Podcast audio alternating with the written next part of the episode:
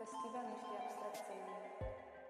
E, najpierw chcieliśmy e, trochę się wytłumaczyć, tak? No bo czy, czy w ogóle w tej chwili rozmawianie o przyjemności, jak takie rzeczy dzieją się na świecie, jest, jest adekwatne, tak? Czy jest usprawiedliwione w jakiś sposób? To do mnie pytanie. Tak, tak, to znaczy takie rzeczy to ujęłaś eufemistycznie, tak? Mamy, mamy na myśli to, że e, sytuacja wygląda tak, że mieliśmy dopiero co pandemię i właściwie ko, ko, kolejne fale słabsze, ale, ale trwają. Mamy, mamy kryzys gospodarczy, mamy wojnę tu, tu, tuż za granicą e, i szereg innych e, wydarzeń, tak, a w jakimś takim szerszym horyzoncie mamy katastrofę klimatyczną. To wszystko nie są przyjemne rzeczy, więc ten temat przyjemności może wydawać się w tym kontekście nieoczywisty, tak? I można by zapytać, dlaczego rozmawiamy o, akurat o przyjemności wtedy, kiedy, kiedy wszystko wydaje się wokół nieprzyjemne i wydaje się wymagać od nas y, czegoś innego, tak? Y, tak odruchowo moglibyśmy pomyśleć, że dyskusja o przyjemności jest takim kwietystycznym odwróceniem się od tych wszystkich problemów, zamknięciem się i udawaniem, że, tak, że ta, ta rzeczywistość wokół nas nie istnieje. Myślę, że trochę przynajmniej z mojej perspektywy, ale pewnie, pewnie co do tego się zgodzimy, można o przyjemności myśleć inaczej i stąd, stąd ta e, teza postawiona w tytule naszego spotkania o przyjemności jako o, do, o dążeniu do przyjemności jako akcie rewolucyjnym, tak? jako o czymś, co właśnie jest e, potrzebne w sytuacji kryzysowej, ale nie tylko w takiej perspektywie, jak to się często mówi, psychologicznej, e, tak, jako takie dbanie o swój dobrostan, kiedy generalnie jest źle, tak, ale też właśnie jako coś, co może nam diametralnie zmienić perspektywę, w której myślimy o tym wszystkim, co się dzieje i coś, co może pomóc nam e, nie w taki właśnie sposób psychologiczno-indywidualistyczny, tylko w sposób kolektywny odpowiedzieć na te kryzysy.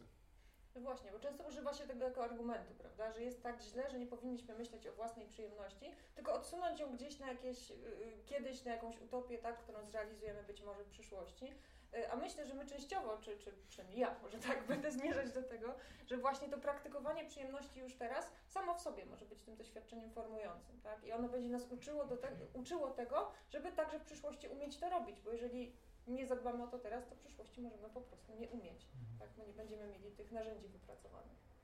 Wydaje mi się, że z tych kontekstów, które Ksawery wymienił, takim może najbardziej oczywistym jako kontra jest, jest ten kontekst klimatyczny. To znaczy, jakby wiecie, wojna i pandemia to są rzeczy, które się wydarzyły i mamy nadzieję, że się niedługo skończą. Może teraz jakby ta kwestia cierpienia jest taka na pierwszym planie, E, ale, e, ale może jakby w dłuższej perspektywie rozumiemy, że tutaj ta kwestia przyjemności jest ważna. Natomiast wydaje się, że właśnie kryzys klimatyczny to jest to, te, ten moment, w którym mówimy, no dobra, jakby trzeba zrezygnować z pewnych rzeczy, musimy zdecydować się na pewną ascezę, tak? Właśnie nie przyjemności, tylko musimy ograniczyć konsumpcjonizm, jakby wyrzec się części naszych potrzeb, czyli właśnie ograniczyć to dozowanie sobie przyjemności.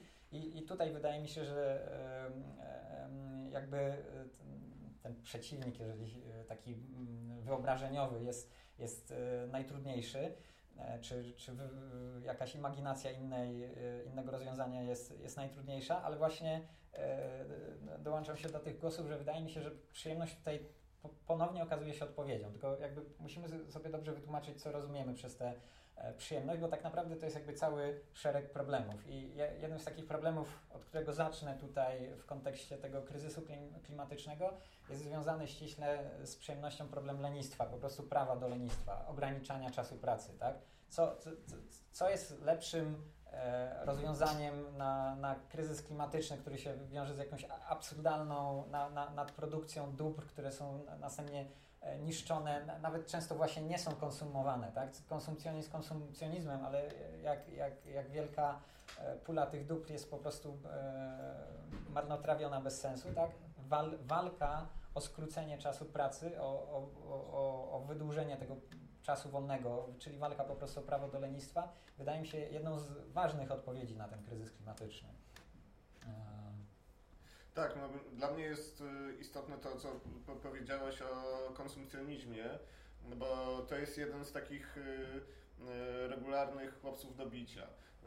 Można społeczeństwu zarzucić konsumpcjonizm i można je w, jakby w ten sposób społeczeństwo przywołać do porządku, można u- ustanowić jakiś rodzaj kontroli nad społeczeństwem e, poprzez właśnie takie strofowanie, że ludzie za dużo konsumują. No i o ile tak pewnie za, wszystko to zależy od, od grupy społecznej, od klasy, od sytuacji, tak, to mm, jak, jak wygląda ta konsumpcja, tak, i e, co, co, co, co, co, co to znaczy, tak, że, że byłaby przesadna, tak, czy, czy byłaby nieuzasadniona, tak, o, o, o ty- o tyle sam, sam e, ten rodzaj dyskursu wokół konsumpcjonizmu już nam trochę pokazuje taki moment, w którym e, zamiast, e, zamiast szukać e, czegoś, co e, pozwoli nam e, zdobyć e, e, mm, pewien nowy horyzont, tak, jak, jak właśnie to, o czym, o czym mówiłeś o lenistwie, tak, kiedy możemy zobaczyć, aha, to jest jakaś płaszczyzna, która się przed nami otwiera i możemy wtedy inaczej pomyśleć o tym, co my robimy w kontekście kryzysu, tak, i możemy pomyśleć o lenistwie jako czymś, co właśnie ma potencjał zmiany. E, tak, zamiast tego e, jesteśmy w sytuacji e, bycia strofowanymi i kontrolowanymi, czy przypadkiem nie, nie za dużo konsumujemy. I tak, i to jest też ciekawa kategoria, w której splatają się takie dwie perspektywy. Jedna taka perspektywa moralizatorska, konserwatywna, tak, któr- która po prostu polega na tym, żeby, żeby społeczeństwo trzymać za twarz, żeby się nie, nie, rozbisurmaniło, tak, ale też taka druga perspektywa, któ- która, która jest często perspektywą e, tak, tego, te, te, tego co mo, mo, można tak nieco mm, e, sz- szukam jakiegoś takiego do, do, do, dobrego słowa, tak? Jako, taką e, już przebrzmiałą pe- perspektywą tej e, lewicowej krytyki kultury masowej i społeczeństwa mas masowego, w trochę w, w takim duchu sz- szkoły frankfurckiej, tak, gdzie krytykuje się właśnie to, że ludzie mają proste rozrywki i konsumują masowe towary. Tak, jakby znowu, to też jest pewien dyskurs, który nam się uruchamia i który, no, mm, pytanie na ile w ogóle może nas do czegoś doprowadzić, nawet jeżeli niektóre jego przesłanki są, są trafne. Myślę, że do konsumpcjonizmu może jeszcze wrócimy, natomiast ja bym się zatrzymała trochę przy tym prawie do lenistwa też w kontekście y, po prostu zatrzymania nadprodukcji, bo myślę, że o to też y, częściowo chodzi, jakby, przynajmniej jeżeli rozmawiamy w kontekście kryzysu klimatycznego. Y, No bo przecież te ideały, które rozwijano już gdzieś tam od XIX wieku, pierwszy raz padła ta idea, że być może jesteśmy już na tak zaawansowanym technicznie poziomie, że moglibyśmy pozwolić sobie na to, że, że wszyscy będziemy żyli w miarę wygodnie, tak? Na razie jeszcze zostawiamy to słowo wygodnie, bo myślę, że to też będziemy w kontekście przyjemności jeszcze, jeszcze, jeszcze omawiać. Yy, mm, I nie, musi, nie będziemy musieli pracować, tak? Yy, A to, że my cały czas jeszcze pracujemy, tak? I nie pozwalamy sobie na przyjemności, to jest częściowo yy, sposób myślenia, który jest nam wdrażany po co właściwie? Yy, No po to, żeby nas utrzymywać w jakiejś zależności, tak? Czy po to, żeby nas utrzymywać w, w, w porządku, czy w podporządkowaniu? Utrzymywać wzrost gospodarczy. Tak. Znaczy mi No się tylko też po wydaje, że to też, sorry, że tak powiem, bo ja też patrzę z innej perspektywy trochę, tak? E, to bardzo jest też polskie. Tak, że my na przykład nie potrafimy oddzielić życia prywatnego od pracy. I my mamy tak, że my na przykład, nie wiem, kończymy nawet jeśli 8 godzin pracujemy, to wychodzimy z pracy i rozmawiamy o tej pracy cały czas. Ja na przykład, nie wiem, mieszkam od e, 20 lat prawie w Anglii, wróciłam, można powiedzieć, rok przed pandemią. I ja po prostu jestem w szoku, że Polacy cały czas mają myślenie jednak o tej pracy, że to jest cały czas y, albo narzekanie, y, albo y, ambitnie myślenie o tym, co zrobić, żeby się wybić. I to jest takie, mi się wydaje, że albo z jednej, albo z drugiej strony takie kółko. Albo jest gadanie o pracy, że nie mogę znaleźć pracy, tak? Taka, która mi pasuje, nie? Y, Więc to jest trochę tak, ja, ja się na przykład nauczyłam od Anglików czegoś takiego, nie? że okej, jesteś niezadowolona, ale jest czas, już jest, jesteśmy po pracy, nie rozmawiamy o pracy, koncentrujemy się na tym, żeby było nam właśnie przyjemnie, dobrze, odreagowujemy, a nie cały czas o tym po prostu mówimy, tak? O tej właśnie... Co do tego, czy to jest sprawa polska, to nie wiem, wydaje mi się, że sze- szerzej, y, jakby w ca- ca- całej kultury, w której żyjemy, tak? To, że my jesteśmy Ale w wdrażani do tego, żeby bardzo, myśleć w przez pryzmat w pracy. Polsce to jest bardzo, my mamy też taki, e, ja widzę to po moich przyjaciel, przyjaciołach, tak, ja też to miałam, teraz się troszeczkę tego oduczyłam, ale ja się tego nauczyłam, że generalnie my mamy też takie, jak nie pracuję, nie robię, to znaczy, że jestem nierobem, jestem leniwcem, jestem straszną osobą, tak? I mamy takiego moralniaka strasznego, a na zachodzie tego tak za bardzo nie ma. Na zachodzie, bo też nie mówię o wschodzie, tak? Wydaje mi się, że wśród młodej lewicy to też się już zmienia. Że u pra prawicy pewnie niekoniecznie, ale u młodej lewicy ja widzę, że to jest, jest przeskok pokoleniowy między moimi rodzicami Znaczy a młodzi ludzie też inaczej o tym myślą, Tak. tylko że ja mam też taki, zauważyłam też, że bardzo dużo ludzi w ogóle myśli na zasadzie trochę takiej, w ogóle nie pracujmy, w ogóle wszystko powinno być podane na tacy, więc już jest w ogóle tak ekstremalność w drugą stronę. Tak, Odtwarzamy Tak. dyskusję wokół maty i maty. Mówię Tak, to, to znaczy ja też, też myślę, że to jest trochę to, o czym pewnie ty powiesz więcej w kontekście Abramowskiego, no bo to, to, to, to, to ten, ten problem, jaki mamy z, z pracą i z takim kultem pracy, tak, no dla mnie się bardzo mocno kojarzy z tym, co gdzieś jest y, u zarania polskiej nowoczesności w myśli Stanisława Brzozowskiego i tego pokolenia e, marksistowskich bądź marksizujących myślicieli, którzy jednak uprawiali bardzo mocno etos pracy i widzieli właśnie w tym etosie pracy e, pewną dźwignię, która pozwoli wydobyć klasie robotniczej z podporządkowanej sytuacji, tak? I da im też moral, pe- pewną moralną wyższość, e, tak? Natomiast no, e, to, to, to, to e, mm, dziś, dzisiaj, dzisiaj widzimy, że to tak nie działa, tak? I pod tym względem właśnie ta perspektywa Abramo, Abramowskiego wydaje mi się dużo, dużo ciekawsza, jako taka perspektywa, która nam mówi, że to nie, nie koncentrowanie się na pracy i budowanie swojej wartości wokół, wokół pracy powinno być y, tym, co e, jakoś nas y, spaja, integruje i dodaje nam y, siły w, w walkach politycznych. Ja przyznam szczerze, że innego królika chciałem z kapelusza wyciągnąć niż Abramowski, ale to może skoro już to nazwisko padło, to, to, to, to taka czy, czysto informacyjna dygresyjka.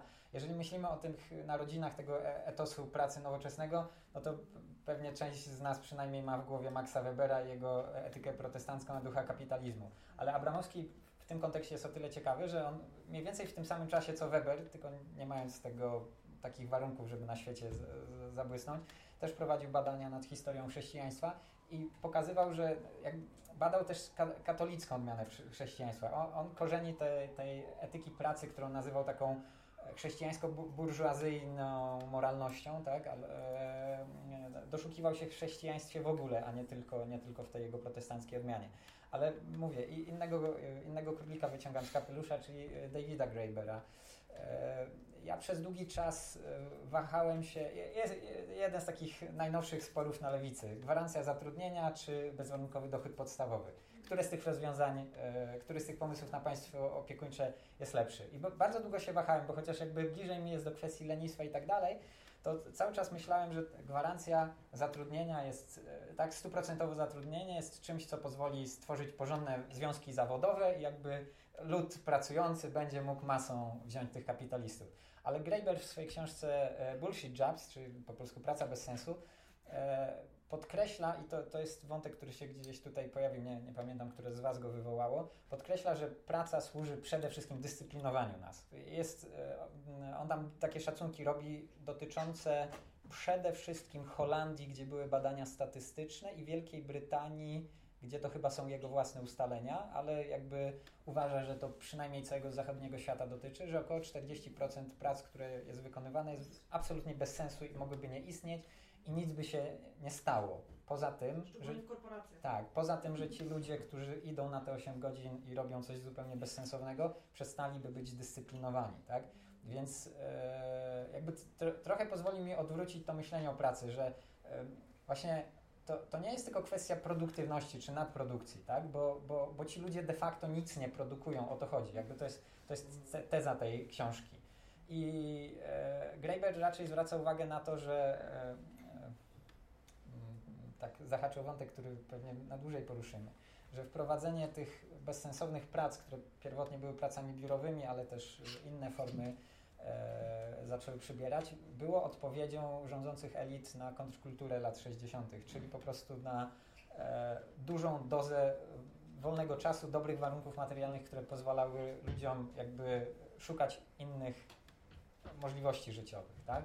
I trzeba było tych ludzi, którzy tam chodzili w tych kolorowych strojach e, po, po, po ulicach, albo nie wiem, zakładali jakieś komuny, albo e, jakąś artystyczną twórczość uprawiali, trzeba było znowu zagra, zagnać do, do roboty i e, zaczęto tworzyć miejsca pracy, które były zupełnie bez sensu. Tak jak ty powiedziałaś, już, już dawno zauważono, że rozwój techniki pozwala na zrezygnowanie, czy jakby bardzo gwałtowne zmniejszenie czasu pracy dla wszystkich, a jednak tego nie robimy, tak? Bo praca to jest to miejsce, w których te dyscyplinarne e, relacje są nam wpajane. E, Graeber wręcz mówi o jakimś takim sa- sadomasochizmie związanym z miejscem pracy, tak?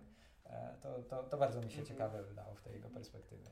No właśnie, bo wydaje mi się, że to w latach sz- 60., potem może na początku lat 70. właśnie to hasło, tak, żeby nigdy nie pracować, tak, czy, czy, czy w ogóle, żeby, żeby skończyć z pracą, żeby nie marnować czasu na pracę, skoro mamy takie warunki, że możemy sobie pozwolić na to, żeby nie pracować, to czemu mamy pracować? Tak i to hasło wtedy wydaje mi się bardzo mocno wybrzmiało, po czym trochę się straciło gdzieś z tego, z tego, bo udało się je zastąpić może właśnie tymi, ty, tymi nowymi ideałami, czy w jakiś sposób Tak, no to, to, to, jest ta koncepcja, ta, y, która została w jakiś sposób przechwycona przez, przez ten y, kapitalizm, który się w, też zneoliberalizował, uelastycznił, tak, i zaczął przedstawiać pracę jako nie coś, co służy zarobkowi i utrzymywaniu się, tak, tylko coś, jako co ma właśnie spełniać te kontrkulturowe ideały samorealizacji, bycia sobą, spełniania się, e, kreatywności i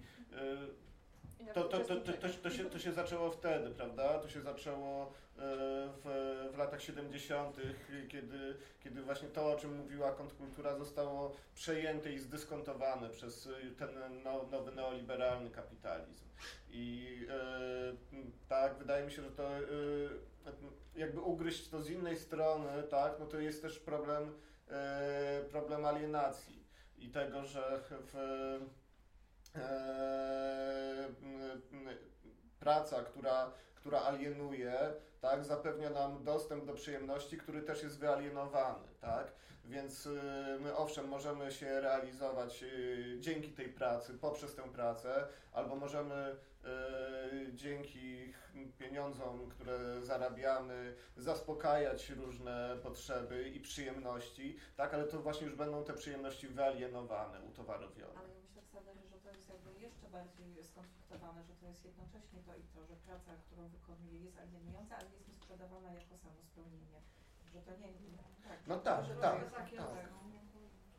jakby tak ym, czuję, że trochę ym, ta praca powoduje pewien sztuczny y, stan niedostatku, który my y, zaspokajamy y, naz, ym, y, z właśnie tymi tak, potrzebami ma- materialnymi, które dają nam jakąś przyjemność, ale to nie do końca jest to, co wszystko możemy nazwać przyjemnością. I jakby ten kult pracy generując e, niedostatek sztuczny stwarza nam potrzebę realizowania przyjemności i jakby wydaje mi się, że kluczowe jest z tego ta, ta wyjście. Jakby uzmysłowienie sobie, że nie wszystkie potrzeby że to nie do końca przyjemność e, długofalowa. Mhm. Tak, no myślę, że wywołałeś jedno y, y, pytanie, do którego możemy przejść wobec tego, skoro już zostało wywołane. To znaczy, y, właśnie, do jakich przyjemności, tak? Jeżeli mówimy, że ta przyjemność ma być, a już y, tak, że, ma być tym, tym aktem rewolucyjnym, a padło już trochę krytyki konsumpcjonizmu tutaj i z naszej strony, i, i, i z waszej strony, tak? podzieliłam nas, na nas i was, dobra, sorry. Z naszej strony padło, tak, to trochę krytyki konsumpcjonizmu, no to może warto się zastanowić, jaka przyjemność będzie, y, będzie tą przyjemnością właściwie rewolucyjną.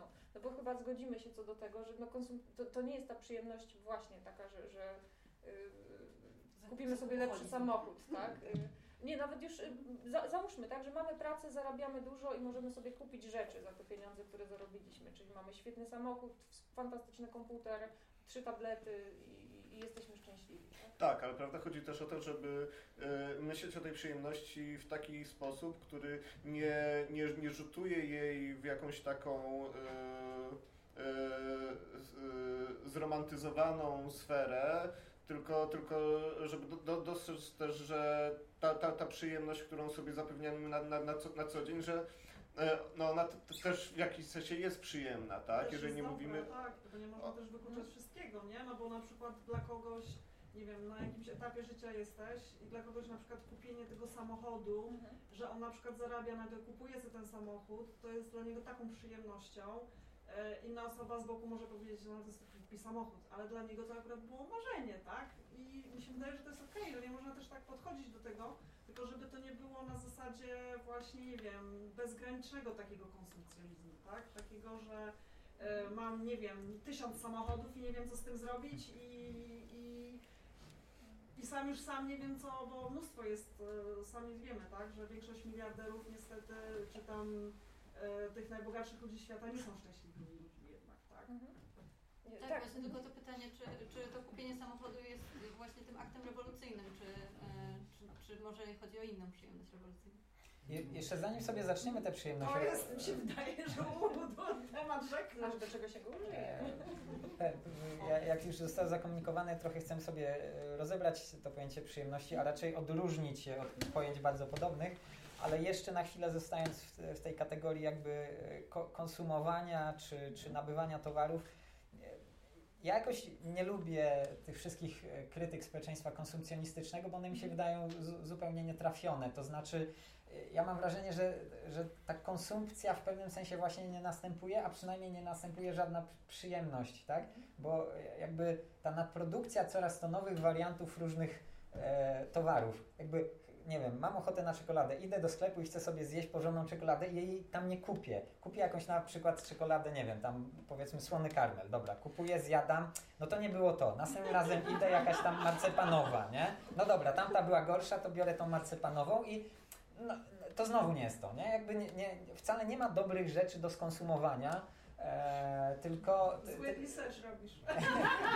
Tro, trochę to przerysowuję teraz, trochę to przerysowuję, ale... E, To było, to było Wiem, wiem, wiem. Tro, trochę mnie kusi, żeby odpowiedzieć w taki sposób. Gdybyśmy mieli więcej tego czasu wolnego od pracy, to może część z nas... znaleźlibyśmy tą lepszą Nie, czekoladę. część, część, część z nas zajęłaby się swoją pasją, jaką jest na przykład cukiernictwo i robiła jakieś czekolady, kraftowe tak, czekolady tak. dobre, nie? Ale jest tylko kwestia czasu. Ja myślę, że to jest coś takiego może bardziej z takiego, nie wiem, z, z refleksji Deleza, że ta maszyna produkcyjna, konsumpcyjna sprawia, że ludzie mają bardzo kiepski dostęp e, do jakby swojego takiego możliwości zdefiniowania, czym jest przyjemność. Nie? Że to, to są takie mechanizmy, które się wpływają tak głęboko, że można po prostu nie, nie wiedzieć. Mhm. Tak, No, dokładnie. znaczy, by, być może, chociaż ja bym właśnie. Mm, pewnie masz rację częściowo, chociaż trochę chcę uciec od takich psychologicznych interpretacji. Raczej mi. e, Raczej chcę zwrócić uwagę na to, jak ten system działa, który produkuje coraz to nowe towary, które mają być lepsze od tych poprzednich, a wcale nie są. Jakby Ale ja, ja bym się że to nie jest tylko psychologiczne, działa w ten sposób, że produkuje ci Marketing cały pragnienie, jest, e, tak, ci ale marketing przecież No. jest cały zbudowany na psychologii właśnie tego, jak my funkcjonujemy, jak my reagujemy. Na te czekolady właśnie, tak? Że idziesz i kupujesz kolejną, kolejną, bo jednak nie mamy nasycenia i, i to jest e, bardzo właśnie psychologiczne. Niestety, to się tak e, myśli, że ale to jest cały mechanizm, tak? Bo ci, którzy ludzie produkują te rzeczy i nas jednak uwodzą tymi rzeczami, tak? E, Bo to nawet nie chodzi o to, że to jest e, ta kolejna czekolada, której ja chcę poznać smak. Wydaje mi się też, że mamy coś takiego, że e, może teraz zabrzmie, zabrzmie bardzo radykalnie. Dawno nie było wojny i ciężkich czasów, że my nie doceniamy też pewnych rzeczy, tak? Bo mamy tak duży wybór, że po prostu idziemy do tego sklepu, jakiegokolwiek by nie było, tak? I mamy taki wybór po prostu, że już sami nie wiemy, co my chcemy, tak? A tak jak się mówi, że e, zazwyczaj najlepiej obiad e, smakuje, jak się jest długo głodnym, tak? A nie generalnie jak się jest człowiek totalnie najedzony, no to sam nie wie za bardzo, tak jak mówisz, nie może stwierdzić, która, co jest tak naprawdę tą przyjemnością, by było dla niego. Nie wiem, no tak mi się wydaje. Czyli, E, mogę?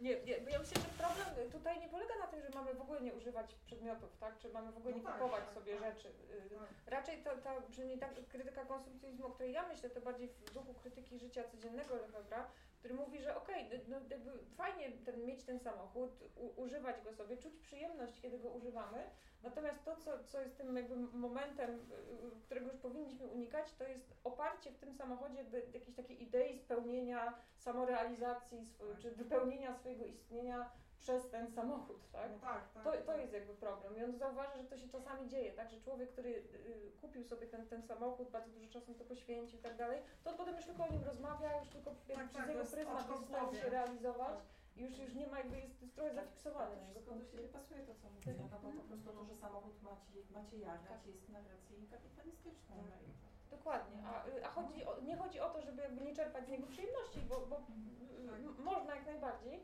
Y, Na, natomiast jakby chodzi właśnie o to, żeby nie iść ten, ten krok dalej, co z kolei jest nam cały czas reklamowane, że to jest jakaś nasza głęboka potrzeba, żeby mieć ten najlepszy model i tak, Tak, dalej. tak i jak tak z tymi dalej. iPhone'ami, tak? Mhm. Trzeba mieć ten najnowszy, bo ten poprzedni to już jest na pewno, Dokładnie. już się nie nadaje.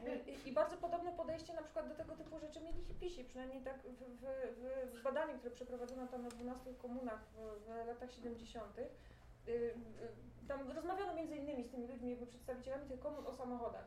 I oni mówili, okej, dobrze mieć samochód, bo samochód nas gdzieś zawiezie, tak? Natomiast my odrzucamy na przykład te wielkie amerykańskie samochody, bo przecież taki stary, zwykły samochód nam wystarczy. Y, Nie będziemy uczestniczyć w całym tym obiegu konsumpcyjnym, dążąc cały czas do lepszego, do tej najlepszej czekolady, tak? Y, Tylko po prostu zadowolimy się tym, co mamy i będziemy tego używać i będziemy się cieszyć tym używaniem. Tego sobie nie zabraniamy, bo przecież my pozytywnie odnosimy się do tego, żeby odczuwać przyjemność. Przyjemność Tak. jest fajna. Z tym czekoladę można samemu też zrobić. Można, tak. No, samochód też podobno można zbudować. Może. Ja, ja, by- ja, by, ja bym wrócił do tego pytania o, przy- o przyjemność i jaka to miałaby być przyjemność, bo wydaje mi się, że e, tak, o ile pewnie się jakoś zgadzamy, że e, ta mm, stara krytyka konsumpcjonizmu jest problemem, to o tyle wydaje mi się, że krytyka krytyki konsumpcjonizmu też nie, nie, nie, nie nie prowadzi nas dużo dalej. I y, że e, tak, że my możemy sobie skrytykować krytykę konsumpcjonizmu na zasadzie, że e, widzimy, widzimy jej słabości, widzimy, że właściwie trudno powiedzieć, y, który konsu- jaka konsumpcja, jakiego poziomu, jakiego rodzaju dóbr, w jakich okolicznościach jest y, zasadna bądź niezasadna, jest moralnie słuszna bądź niesłuszna i kto miałby to ustalać. E, tak, więc jakby mo, moż- możemy cały ten e, dyskurs podważyć, no dobrze, ale, e, ale, ale, ale co z tego, tak? Jakby tak, tak, tak, tak, tak, tak, tak, tak czy owak, jak, y, y, jakoś ta konsumpcja zachodzi, tak? Więc ja, ja bym może do przyjemności i do tego pytania o przyjemność próbował wrócić nie poprzez y, kwestię konsumpcji, tylko znowu poprzez kwestię pracy i pewnej wolności od pracy. E, tak, jako tego, co stwarza nam potencjalność przyjemności, która może być nową przyjemnością. Tak, żeby nie, nie koncentrować się na tym, czy ko, konsumujemy za dużo, czy za mało, czy, czy są to e, pragnienia, które nam wdrukował kapitalizm, czy, e, czy, nasze, czy nasze własne. Tak, tylko e, myśleć o takim świecie, którym y, tej pracy, w znaczeniu właśnie tej pracy alienującej jest coraz mniej, dzięki czemu my też otwieramy się coraz bardziej na to, co może być y, przyjemnością, która, no owszem, może polegać na konsumowaniu czegoś, ale ju- już mm, w, w zupełnie inny sposób. Ja też myślę, że w, ogóle dobrze ki- kierujesz naszą stronę też trochę innych rodzajów przyjemności, bo myślę, że warto się zadać sobie to pytanie, czy, bo może niekoniecznie rzeczywiście ta przyjemność płynąca z posiadania samochodu będzie tą przyjemnością właściwie rewolucyjną. To jeżeli mówimy o przyjemności rewolucyjnej, y, to, to o czym mówimy? E, No właśnie. Znaczy, bo wiecie, tak e, trochę krążymy może, żeby też za szybko do jakiejś puenty tego nie, nie przechodzić. Na, na, na pewno, e, kiedy dyskutowaliśmy, przygotowując się do tego spotkania między sobą, to e, wątek, któremu może że- jeszcze trochę więcej uwagi poświęcimy, to dy, dyskutowaliśmy e, o takich kwestiach odróżnienia tego pojęcia przyjemności od pojęć pokrewnych, jak na przykład wygoda, komfort, e, mo- mo- może szczęście, tak? E, te- tekst, który się pojawił w abstrakcie, w, zap- w zaproszeniu na to spotkanie e, Jo- Joyful Militancy, tak? E, a, a, autorki tej książki e, odróżniają od siebie joy, tak? Radość i happiness, szczęście, tak? I, I cały ten szereg różnic ma dla nas dosyć duże znaczenie i, i pewnie trzeba będzie mu się jeszcze trochę przyjrzeć, ale, ale jakby koniec końców wydaje mi się, że chodzi o to, żeby je, jednak e, cały czas pamiętać, że chodzi o przyjemność, może pomyślano w jakiś nowy sposób, ale jednak, jednak przyjemność. Cho- Chodzi o to, żeby to, co się dzieje, było, było przyjemne, ale właśnie może nie, nie kupowanie samochodu. I kiedy e, ja myślę o tej przyjemności, e, dla, dlaczego ona mnie jakoś tak szczególnie interesuje i może, może wrócę e, do, do tego Abramowskiego, który był tu dla mnie jakimś źródłem e, inspiracji, no bo ta, e, tak trochę e, z, z warsztatu. E, ja, ja się naczytałem tych Delezów, Foucaultów, u których ta kwestia przyjemności jest ra, raz po raz podnoszona e, i na pewno to sprawiło, że jakby myślałem o tym pytaniu, ale odpowiedź, którą znalazłem u, u tych wszystkich współczesnych autorów, nie była dla mnie tak inspirująca ja- ja- jak ten, ten, ten staruszek Abramowski, który w e, takim e, prześwietnym, no, mo- moim zdaniem jedno, to jest jedna z najlepszych rzeczy, jakie w życiu czytałem w tekście Etyka rewolucja, e, mówi o rewolucyjnej zasadzie pracy, tak? E, je- Jeżeli chcemy zmienić swoje stosunki, e, jeżeli chcemy zacząć żyć w inny sposób, jeżeli chcemy przeorganizować ten system, to powinniśmy e, jakby zmienić trzy zasady, w oparciu o które funkcjonujemy. Zasadę własności, e, zasadę, no, ta ostatnia odnosi się do kwestii państwowości, tak? I, i ta e, środkowa, czyli zasada pracy, tak? I Abramowski mówi, że rewolucyjna zasada pracy to jest właśnie dążenie, jakby walka o prawo do lenistwa, powiększanie tego, e, powiększanie tego e, obszaru czasu wolnego od pracy i czemu? Jakby są, są dwa powody. Albo inaczej, jakby to się wiąże z dwiema kwestiami. Po pierwsze z tą przyjemnością, o której dyskutujemy. Abramowski mówi, że tylko ludzie, którzy będą mieli nowe potrzeby, jakby będą mieli potrzebę przeżywania życia w sposób przyjemny, będą walczyli o ten czas wolny od pracy, bo będą potrzebowali coraz więcej czasu na, na realizowanie tych swoich przyjemności, to jest jedno, ale coś, co jest z tym jakby integralnie złączone i co, co mnie najbardziej interesuje w tej jego myśli, to jest to, że on ten czas e, wolny, a przede wszystkim te przyjemności, on o nich myśli przede wszystkim jako o przyjemnościach zażywanych wspólnie oraz mających wspólnototwórczą moc, tak? E, to znaczy spędzamy czas z innymi ludźmi w, przyjemny sposób, zawiązujemy relacje, tworzymy pewną wspólnotę, tak? I ta, ta wspólnota staje się jakimś podmiotem politycznym, na, może na początku niewielkim, który sprawia, że możemy jakby zacząć działać politycznie w, w inny sposób, czy w ogóle zacząć inaczej organizować swoje międzyludzkie stosunki, tak? Wydaje mi się, że tu jest takie bardzo silne sprzężenie zwrotne i ono jest dla mnie fascynujące, tak? Wspólne zażywanie przyjemności jakby integruje nas jako grupę, jest, jest tak mówiąc filozoficznie, warunkiem możliwości e, wspólnoty, tak? czy też podstawą solidarności, podstawą troski o siebie nawzajem, a kiedy już te rzeczy, e, te rzeczy są, no to możemy jakichś e, rewolucyjnych aktów dokonywać razem, tak? czyli inaczej sobie społeczeństwo e, próbować zorganizować, ale też sprzężenie zwrotne de facto po to, żeby jeszcze więcej tej przyjemności wspólnie zażywać. Nie? Jakby Dobrze, ale rozumiem, że bezpośrednim, że tak powiem, wykwitem była ta koncepcja spółdzielni Abramowskiego, a to jak to tam się w, w realu wydarzyło, to tak może niekoniecznie spełniło te za, za, założenia. Ale myślę, że te spółdzielnie, przecież te pisma Abramowskiego wokół spółdzielni tam zawierały jakoś mnóstwo jakichś kodyfikacji, jakichś tam zasad, to było mało przyjemne, jak się to czyta.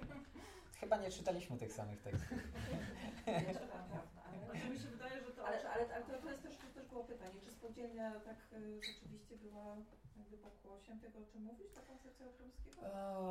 Ona, na, spółdzielczość, y, na, spółdzielczość na pewno miała być taką przestrzenią, w której y, ludzie jakby mogą się na, w- uczyć nowych stosunków względem siebie, tak? Wy, wy, wyłączają się z tej wolnorynkowej konkurencji i widzenia w sobie przeciwników i zaczynają działać wspólnie, ale no, nie chciałem w jakąś abramowskologię wchodzić, ale jeżeli już e, idziemy tym tropem, to on rzeczywiście jakby bardzo dużą uwagę do tych spółdzielni przykłada i mam wrażenie, że w pewnym momencie orientuje się, że one nie będą działały tak, jak on chce i proponuje pewną odpowiedź, kt- której jakby nie ma w ogóle w zachodniej myśli e, spółdzielczej. Dla mnie, dla, dla mnie to jest takie e, jakby przełomowe w, w tym jego podejściu do teorii spółdzielczości. On szuka jakichś innych miejsc, w których możemy się uczyć tych relacji, których nam spółdzielczość nie zapewnia i jednym z takich pomysłów jego są związki przyjaźni, tak? Jako, jako takie przestrzenie do właśnie e, jakby uczenia się solidarności czy, czy jakichś takich wzajemnych relacji. No ale jakby nie, nie, nie chciałbym... się na przykład możemy uczyć, bo ja na przykład jestem wychowana w krajach arabskich, nie? I tam możemy się na przykład uczyć od tamtych krajów, że tam generalnie jest tak jak e, na przykład wspomniałeś z tym cukiernią, tak? Że na przykład, e, nie wiem, cały świat arabski jest tak trochę podzielony, że wiemy, że na przykład e, Libańczycy są dobrzy w kuchni, tak? I jak zatrudniamy na przykład kucharzy najlepszych, to Libańczyków. E, Wiemy, że na przykład Syryjczycy są dobrzy w tym i w tym, tak? Wiemy na przykład, że ten, te, ta rodzina na przykład się specjalizuje w hodowli oliwek, bo mieli sady oliwkowe. I to nie jest tak, że to jest e, tylko kraj, tylko to jest cały świat arabski, tak? O tym wie, tak? Ja na przykład jak tam mówię, z jakiej rodziny ja jestem, e, bo nie jestem z tej rodziny, tylko mój ojczym pochodzi z tej rodziny, to wszyscy, a, to ty jesteś z tego i z tego regionu, a, to ty, to ty przywieziesz mi oli, e, oliwę z oliwek. A ja mówię, a skąd ty wiesz? No, jesteście słynni na całym świecie arabskim, tak? I to jest to właśnie, co ty mówisz, nie? O tej takiej idei, tylko tam to już jest, Mhm. tak? I to nie są też związki takie e, przyjacielskie tylko, ale i to jest bazowanie na rodzinie, bo tam jest też tak, że na przykład, dlaczego tam są wielodzietne rodziny? Bo tam jest taki model, że e, najbardziej się kształci tą pierwszą osobę, tak, można powiedzieć, tą głowę, głowę rodziny, tak, no mężczyznę wtedy to było, tak, ale tą najważniejszą osobę i ostatnią osobę, tak, w tej rodzinie. I to jest tak, że ta osoba najstarsza zazwyczaj pomaga finansowo potem wszystkim braciom, którym się nie powodzi, albo siostrom, a ta najmłodsza tak jakby e, ma się zająć e, tak zwaną, e, to tak się mówi, koordynacją tych dobrych rzeczy, fluidów, tak? I ona generalnie ma pozwolenie na to, żeby realizować swoje pasje. Też cała rodzina na to kładzie pieniądze. I to są takie rodziny, można powiedzieć, że, no nie wiem, ta rodzina e, mojego ojczyma, no to jest około 3000 osób i my jak tam na przykład robimy jakieś święta są, to bardzo często 3000 osób jest na tej górze, tak? I ci ludzie się spotykają i tam jest tak, że tak jak mówisz, że nie, ten jest dobry w tym, ten jest dobry w tamtym i się nie idzie do sklepu, to jest wymiana po prostu, Mhm. tak?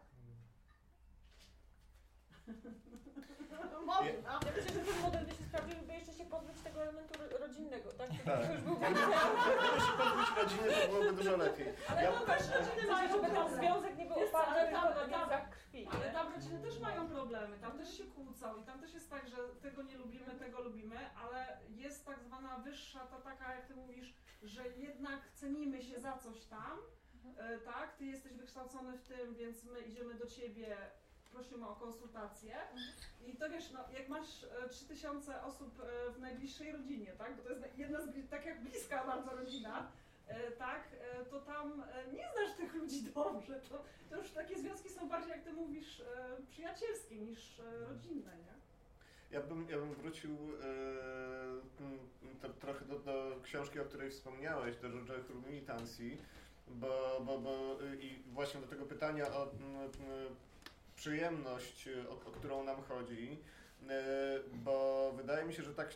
ja- bardzo lubię tę książkę, ale ona trochę inaczej stawia tę kwestię. To znaczy, rzeczy, rzeczywiście jest tak, jak wspomniałeś, że tam ta opozycja jest między joy a happiness, między radością a szczęściem, tak? I to szczęście byłoby pewnie jakoś bliżej tego poczucia komfortu i wygody, tak? Czy też takich przyjemności, przyjem, przyjemnostek, tak? Tego, że jest, że jest, że jest, że jest jakoś miło, tak? Natomiast y, y, joy to jest, to jest ta radość, która często mm, wiąże się z bardzo nieprzyjemnymi działaniami, tak? Bo to jest książka o różnych rodzajach e, walki i aktywizmu, e, które są prowadzone przez e, ruchy, grupy o charakterze feministycznym, queerowym,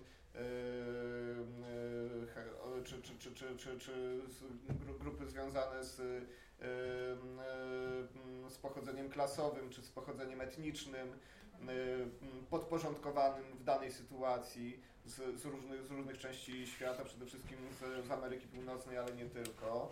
E, I e, ten rodzaj radości, o, o których e, e, tam, tam, tam piszą e, Karla Bergman Nick Mon, Mon, Montgomery, to jest radość, która wiąże się bardziej m, z e, m, e, pewnym poczuciem wolności jako bycia współzależnym, wbrew tej wolności, do której my jesteśmy przyzwyczaje, przyzwyczajeni do koncepcji wolności takiej oświeceniowej, liberalnej, w której po prostu stawiamy na pierwszym e, miejscu indywidualny podmiot i nam się wydaje, że wolność jest wtedy, jak ja, jako ten indywidualny podmiot, mam największą swobodę wobec innych i największe możliwości działania. Jakby oni mówią, że przeciwnie. Wolność polega na tym, kiedy czujemy te zależności między sobą, czujemy, że jesteśmy jakoś w tej, w tej sieci i to nam daje, tak, to, to niekoniecznie właśnie są w takim wypadku sieci rodzinne, tylko, tylko No tak, e, te- te- też e, ta, się- tam, tam się pojawia na przykład, jeśli dobrze pamiętam, to pojęcie kinship, ale w takim metaforycznym znaczeniu, e, jako tego rodzaju pokrewieństwa, tego rodzaju po, po, po- powiązania, które tworzymy, budujemy między sobą i które dają nam właśnie, jakby poszerzają nam na, na naszą wolność, a nie ją ograniczają. E, I z tym się wiąże ta radość, e, któ- która e, e, też e, często, często do, do, do, dotyczy jakiegoś procesu, w którym bywa, bywa ciężko, tak? Jakby to jest też, też bardzo specyficzna koncepcja, która mówi o, o tym tak, że y, walczymy o coś i może, może być źle, możemy tam doznać wypalenia, możemy do, y, nie wiem, mieć depresję, możemy przeżywać bardzo ciężkie sytuacje, strach, ból i tak dalej. Natomiast radość jest związana z tym, że y, też jest, jesteśmy w, w, w, tak, jakoś kolektywnie powiązani z innymi i to jest jakieś nasze, nasze wspólne działanie i y, e, tak my też siebie jakoś doświadczamy i przeobrażamy w tym, w tym, w tym, w tym, w tym, w tym, w tym działaniu. Ja trochę tak odczytuję tę koncepcję, że, że, że ono ma też taki transformacyjny wymiar, e, tak, i w, ty, w, tym, w, tym, w tym sensie to jest ten rodzaj przyjemności, który właśnie nie jest wygodny. Więc y, tak, to, to, to, to, to, jest, to, to, jest pe, pewnie inna wizja przyjemności niż ta, która była u Abramowskiego, która wydaje mi się bardziej po prostu właśnie tak, takim wspólnotowym dbaniem o siebie. Ja jeszcze tylko dodam, bo tam jest też w- Joyful Militancy ten, ten taki wątek wynikający z ustanowienia jakby swojej sprawczości, tak? I, i, i tam są te zestawione te pojęcia tej radości, tak? I smutku w, w, jako opozycji do tego. I smutku, który wynika z tego, że te nasze możliwości, czy ten, ten nasz zasób, tak? W którym my jesteśmy tym, tą, tą postacią sprawczą, on się zmniejsza. Y, I myślę, że to też jest y, jasne i w, kontekście tym kolektywnym, ale też do pewnego stopnia, przynajmniej tak jak ja to rozumiem, indywidualnym. Czyli my jakby tę radość czerpiemy i z tej, tej relacji między, i, i też z ustanawiania siebie jako osoby, która jest wolna, która ma pewne możliwości działania i która jest sprawcza po prostu Mhm. w świecie. Y, Bo, bo potrafi korzystać tak, z, tych swoich, z tych swoich możliwości, nauczyła się tego. Y, Więc to bym tylko dodała, tak zanim przejdziemy, wr- wrócimy do Abramowskiego. Nie, ja, ja, ja chyba wcale aż tak nie, nie chcę bardzo do niego wracać. To znaczy, on, on mnie inspiruje, ale no jakby y, mm, jakiś tam stary dziad, który żył 100 lat temu i, i jakby z, są, są ciekawsi myśliciele i myślicielki dzisiaj. E, chociaż może, może brak pe, pewnego radykalizmu czasem dzisiaj mam wrażenie, który tam był, ale jakby wydaje mi się, że takie dwa wymiary są tego pojęcia przyjemności, które nas interesuje. Jeden związany z tą opozycją radości i szczęśliwości, o której była przed chwilą mowa, gdzie e, w jednym wypadku możemy sobie przyjemność myśleć jako właśnie jako coś związanego z komfortem, bezpieczeństwem, tak jakby mamy ten, to swoje wygodnie urządzone mieszkanko, do którego wracamy i tam się chronimy przed złem całego świata, a z drugiej strony mamy jakąś taką przyjemność związaną z aktywizmem, przyjemność ryzykowną, czasem związaną z jakimś e, cierpieniem, e, wymagającą, wy, e, sprawiającą, że może się okaże, że to, co było dla nas przyjemne dotychczas, przestanie być, a odkryjemy jakieś nowe przyjemności, ale nie dlatego, że je kupimy, tylko że ulegniemy pewnej transformacji, tak? E, oni bardzo mocno podkreślają, że to joy, tak? E, ma, ma właśnie taki transformacyjny, e, transformacyjny charakter i dla jednostek, i dla, i dla, dla całych grup. Więc to by był jakby jeden wymiar, czy jedna ta, ta tak z grubymi e, liniami kreśląc tę opozycję, tak? Opozycja pomiędzy wygodą i bezpieczeństwem, a właśnie pewną radością związaną z działaniem i, i, i ponoszeniem pewnego ryzyka. A drugi wymiar, e, który w, w tym pojęciu mi się wydaje ważny i, i e, ja trochę chcę go podkreślić, czy jakby już o nim wspomniałem, to, zna, to, opozycja pomiędzy tą taką przyjemnością prywatną a zbiorową. Nie? E, to znaczy, e, jakby e, po to, żeby ten wątek wprowadzić, e, przywołałem tego Abramowskiego, ale wydaje mi się, że jak tak na historię e, spojrzymy, to możemy, możemy to e, sobie ulokować dużo wcześniej w pewnych zupełnie innych zjawiskach, które są jakby faktyczną realizacją tej różnicy. To znaczy, mnie, od pewnego czasu dosyć e, mocno interesuje wczesno-nowożytna kur, ku, kultura karnawału, czyli po prostu zbiorowego przeżywania radości w miejscach publicznych, tak?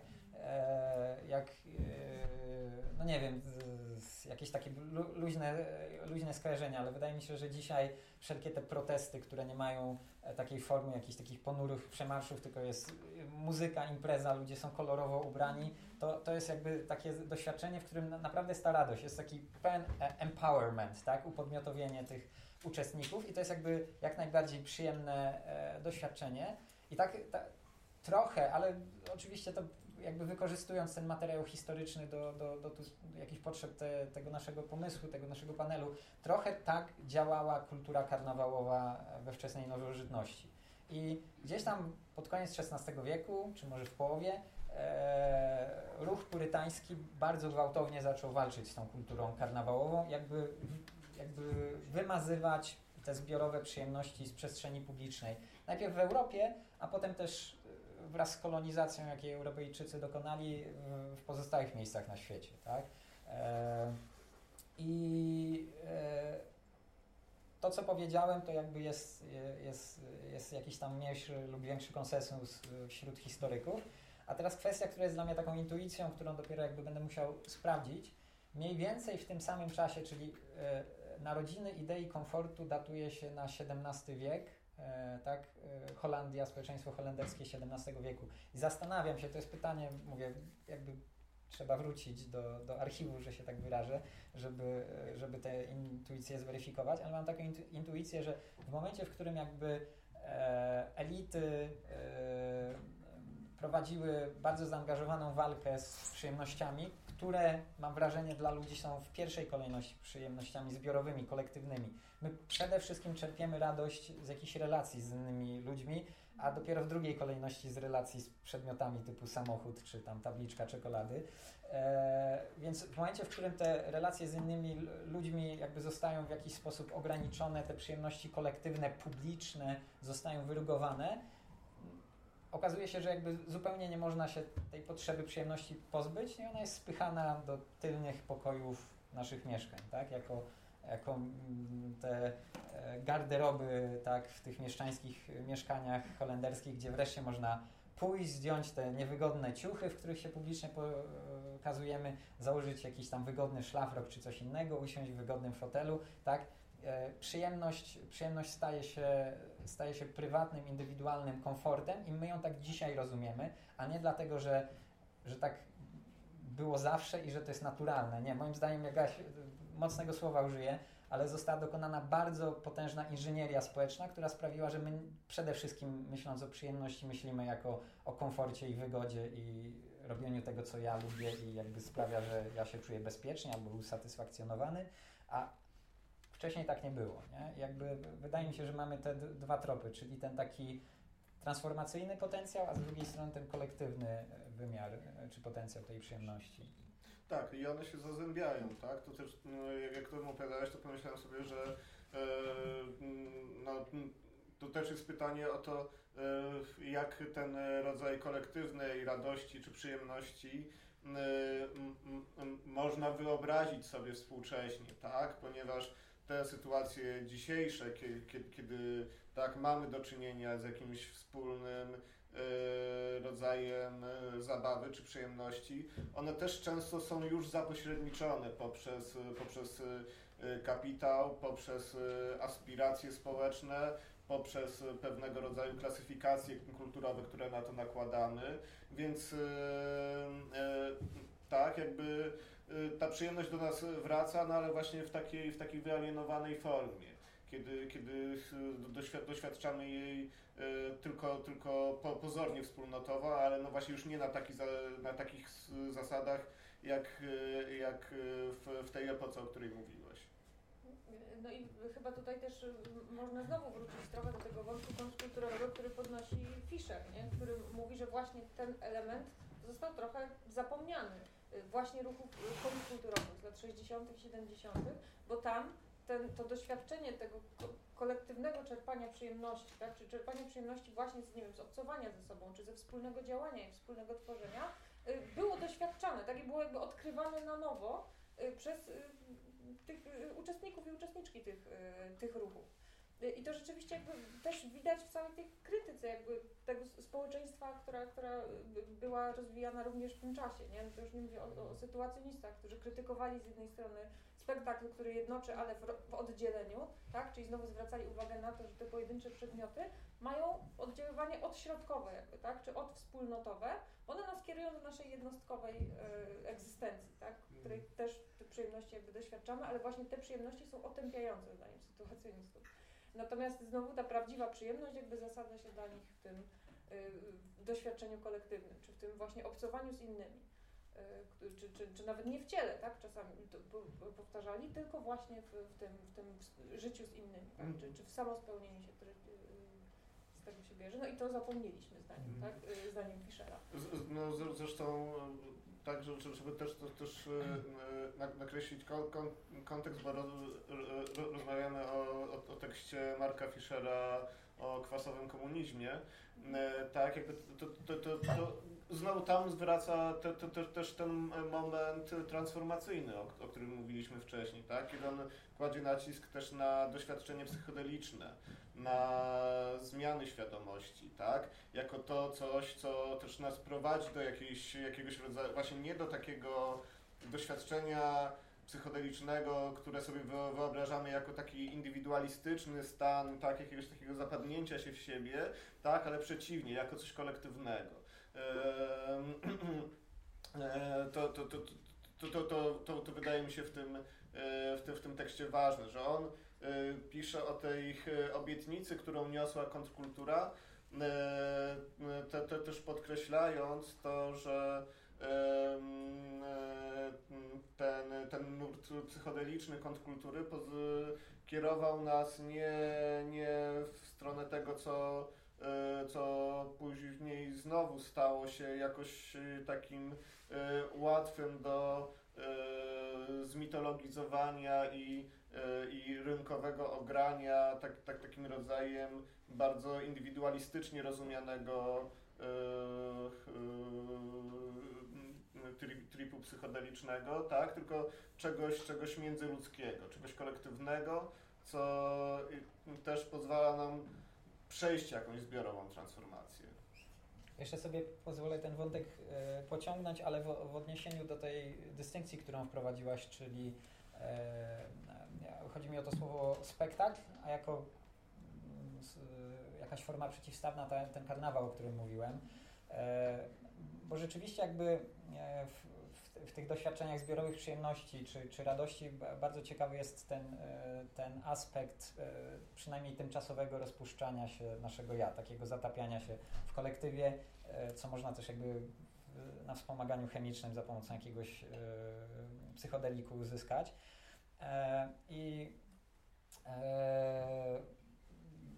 jedna z takich możliwych krytyk, jakie mogą się pojawić, e, kiedy mówimy o doświadczeniach ekstatycznych i właśnie rozpuszczania się tego ja, no to e, e, często się taki w kontrze wyciąga potworek, jakim jest faszyzm, tak? Przecież te wielkie faszystowskie zbiorowiska miały na celu właśnie e, rozpuszczenie ja i stworzenie takiej tępej masy posłusznej e, wodzowi.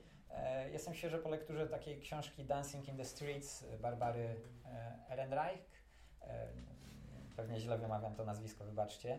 E, I ona, e, ona właśnie wykorzystuje tę dystynkcję pomiędzy karnawałem a spektaklem, żeby pokazać, że e, jak różne były doświadczenia tego nowożytnego karnawału, czy, czy, czy tych hipisowskich takich zbiorowych wydarzeń, albo nie wiem, pisze też o rebelii rocka, tak jak, jak, jak rock poderwał publiczność z, z, z, z siedzeń tak, i, i wprawił w ruch, pokazuje jak inaczej te doświadczenia przebiegały, jak w ogóle inaczej były konstruowane od, od tych masówek na przykład w III Rzeszy, czy, czy ona też e, rewolucyjną Francję przywołuje i, i takie przy, przez na przykład Jakobinów organizowane masowe wydarzenia, które były właśnie ustawionym spektaklem, które wcale nie miały na celu stworzenie kolektywu, tylko raczej jakby zbiór indywiduów, które miały być posłusznymi trybikami w maszynie, ale właśnie bez przekraczania tej ich indywidualności, tak?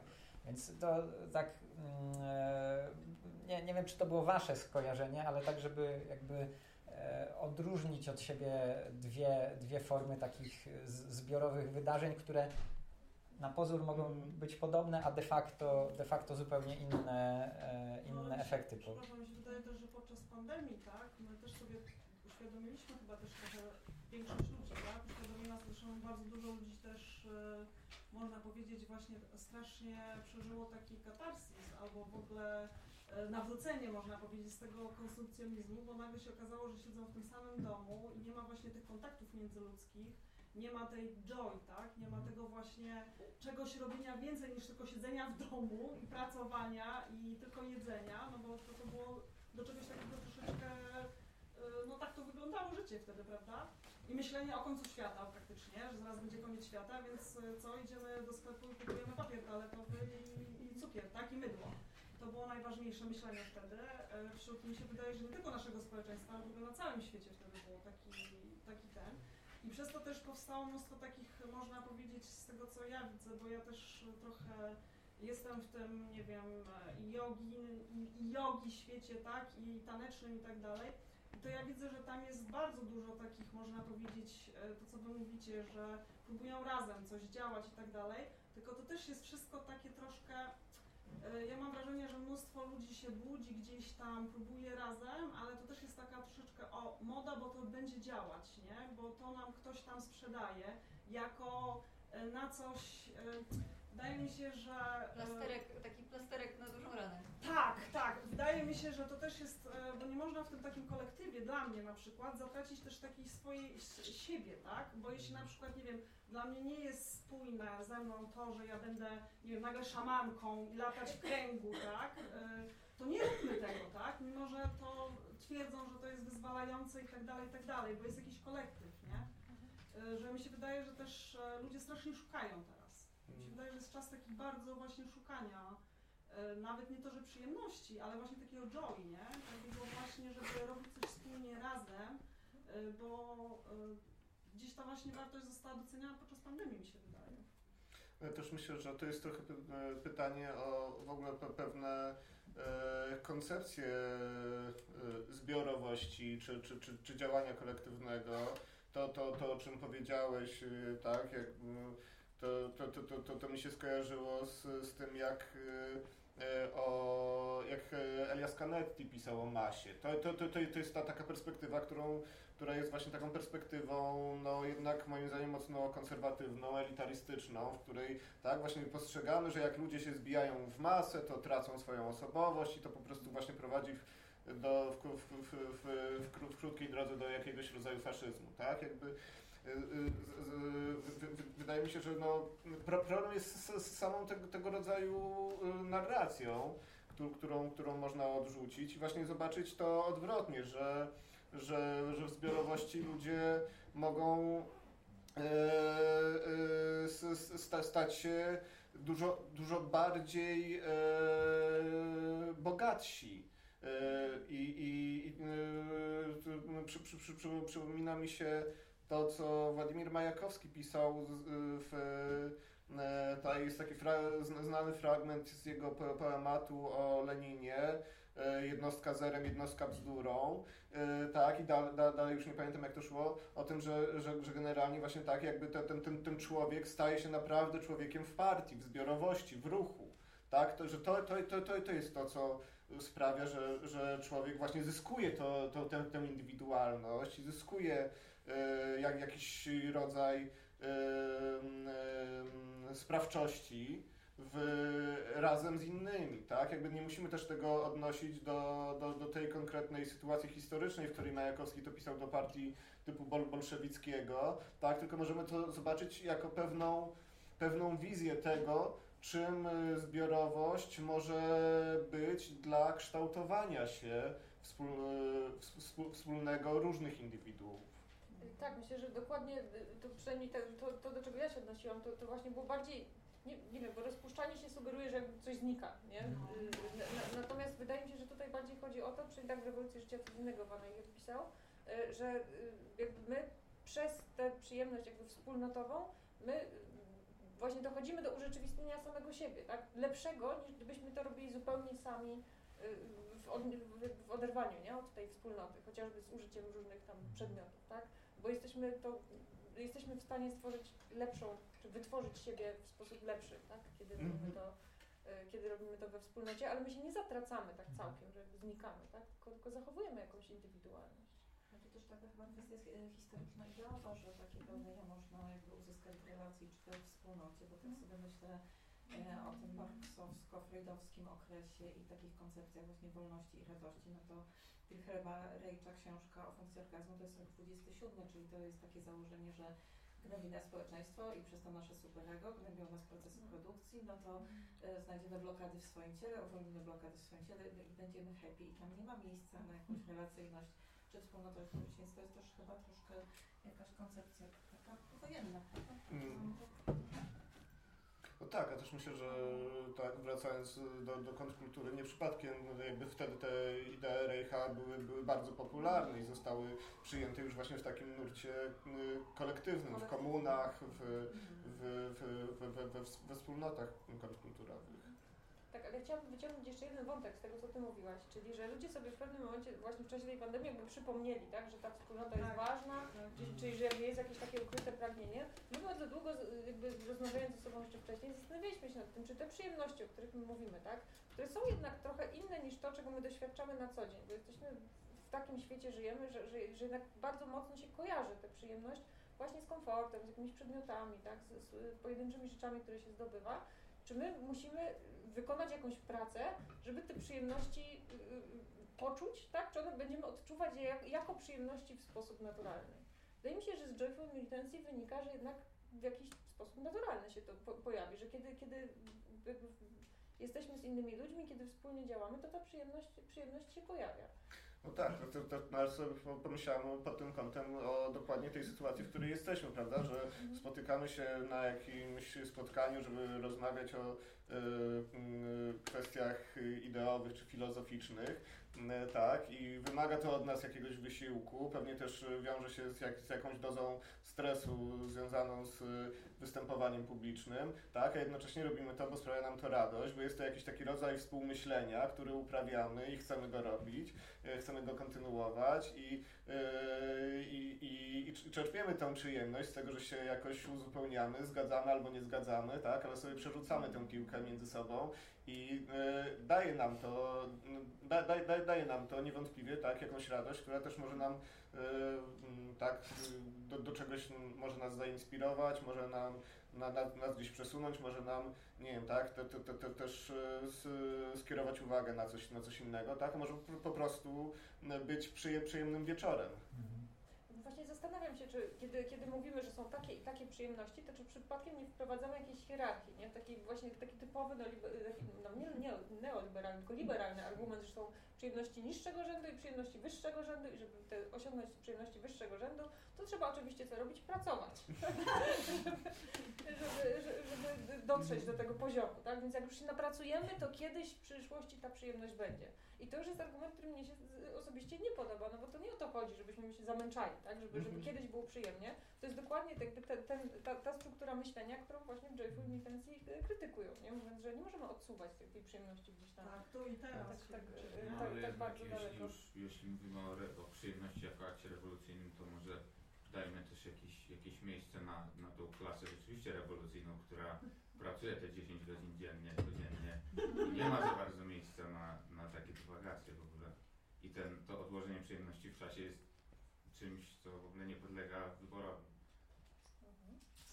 No A właśnie my to- tu taką reprezentujemy perspektywę trochę, mam wrażenie, klasę średniową. No to jak, jak, chcesz wyjść, jak chcesz z tej perspektywy, to e, pamiętam taki e, absolutnie fantastyczny, e, fantastyczny komentarz. O, oczywiście on jest e, straszny, fantastyczny jest to, jak można go przeczytać.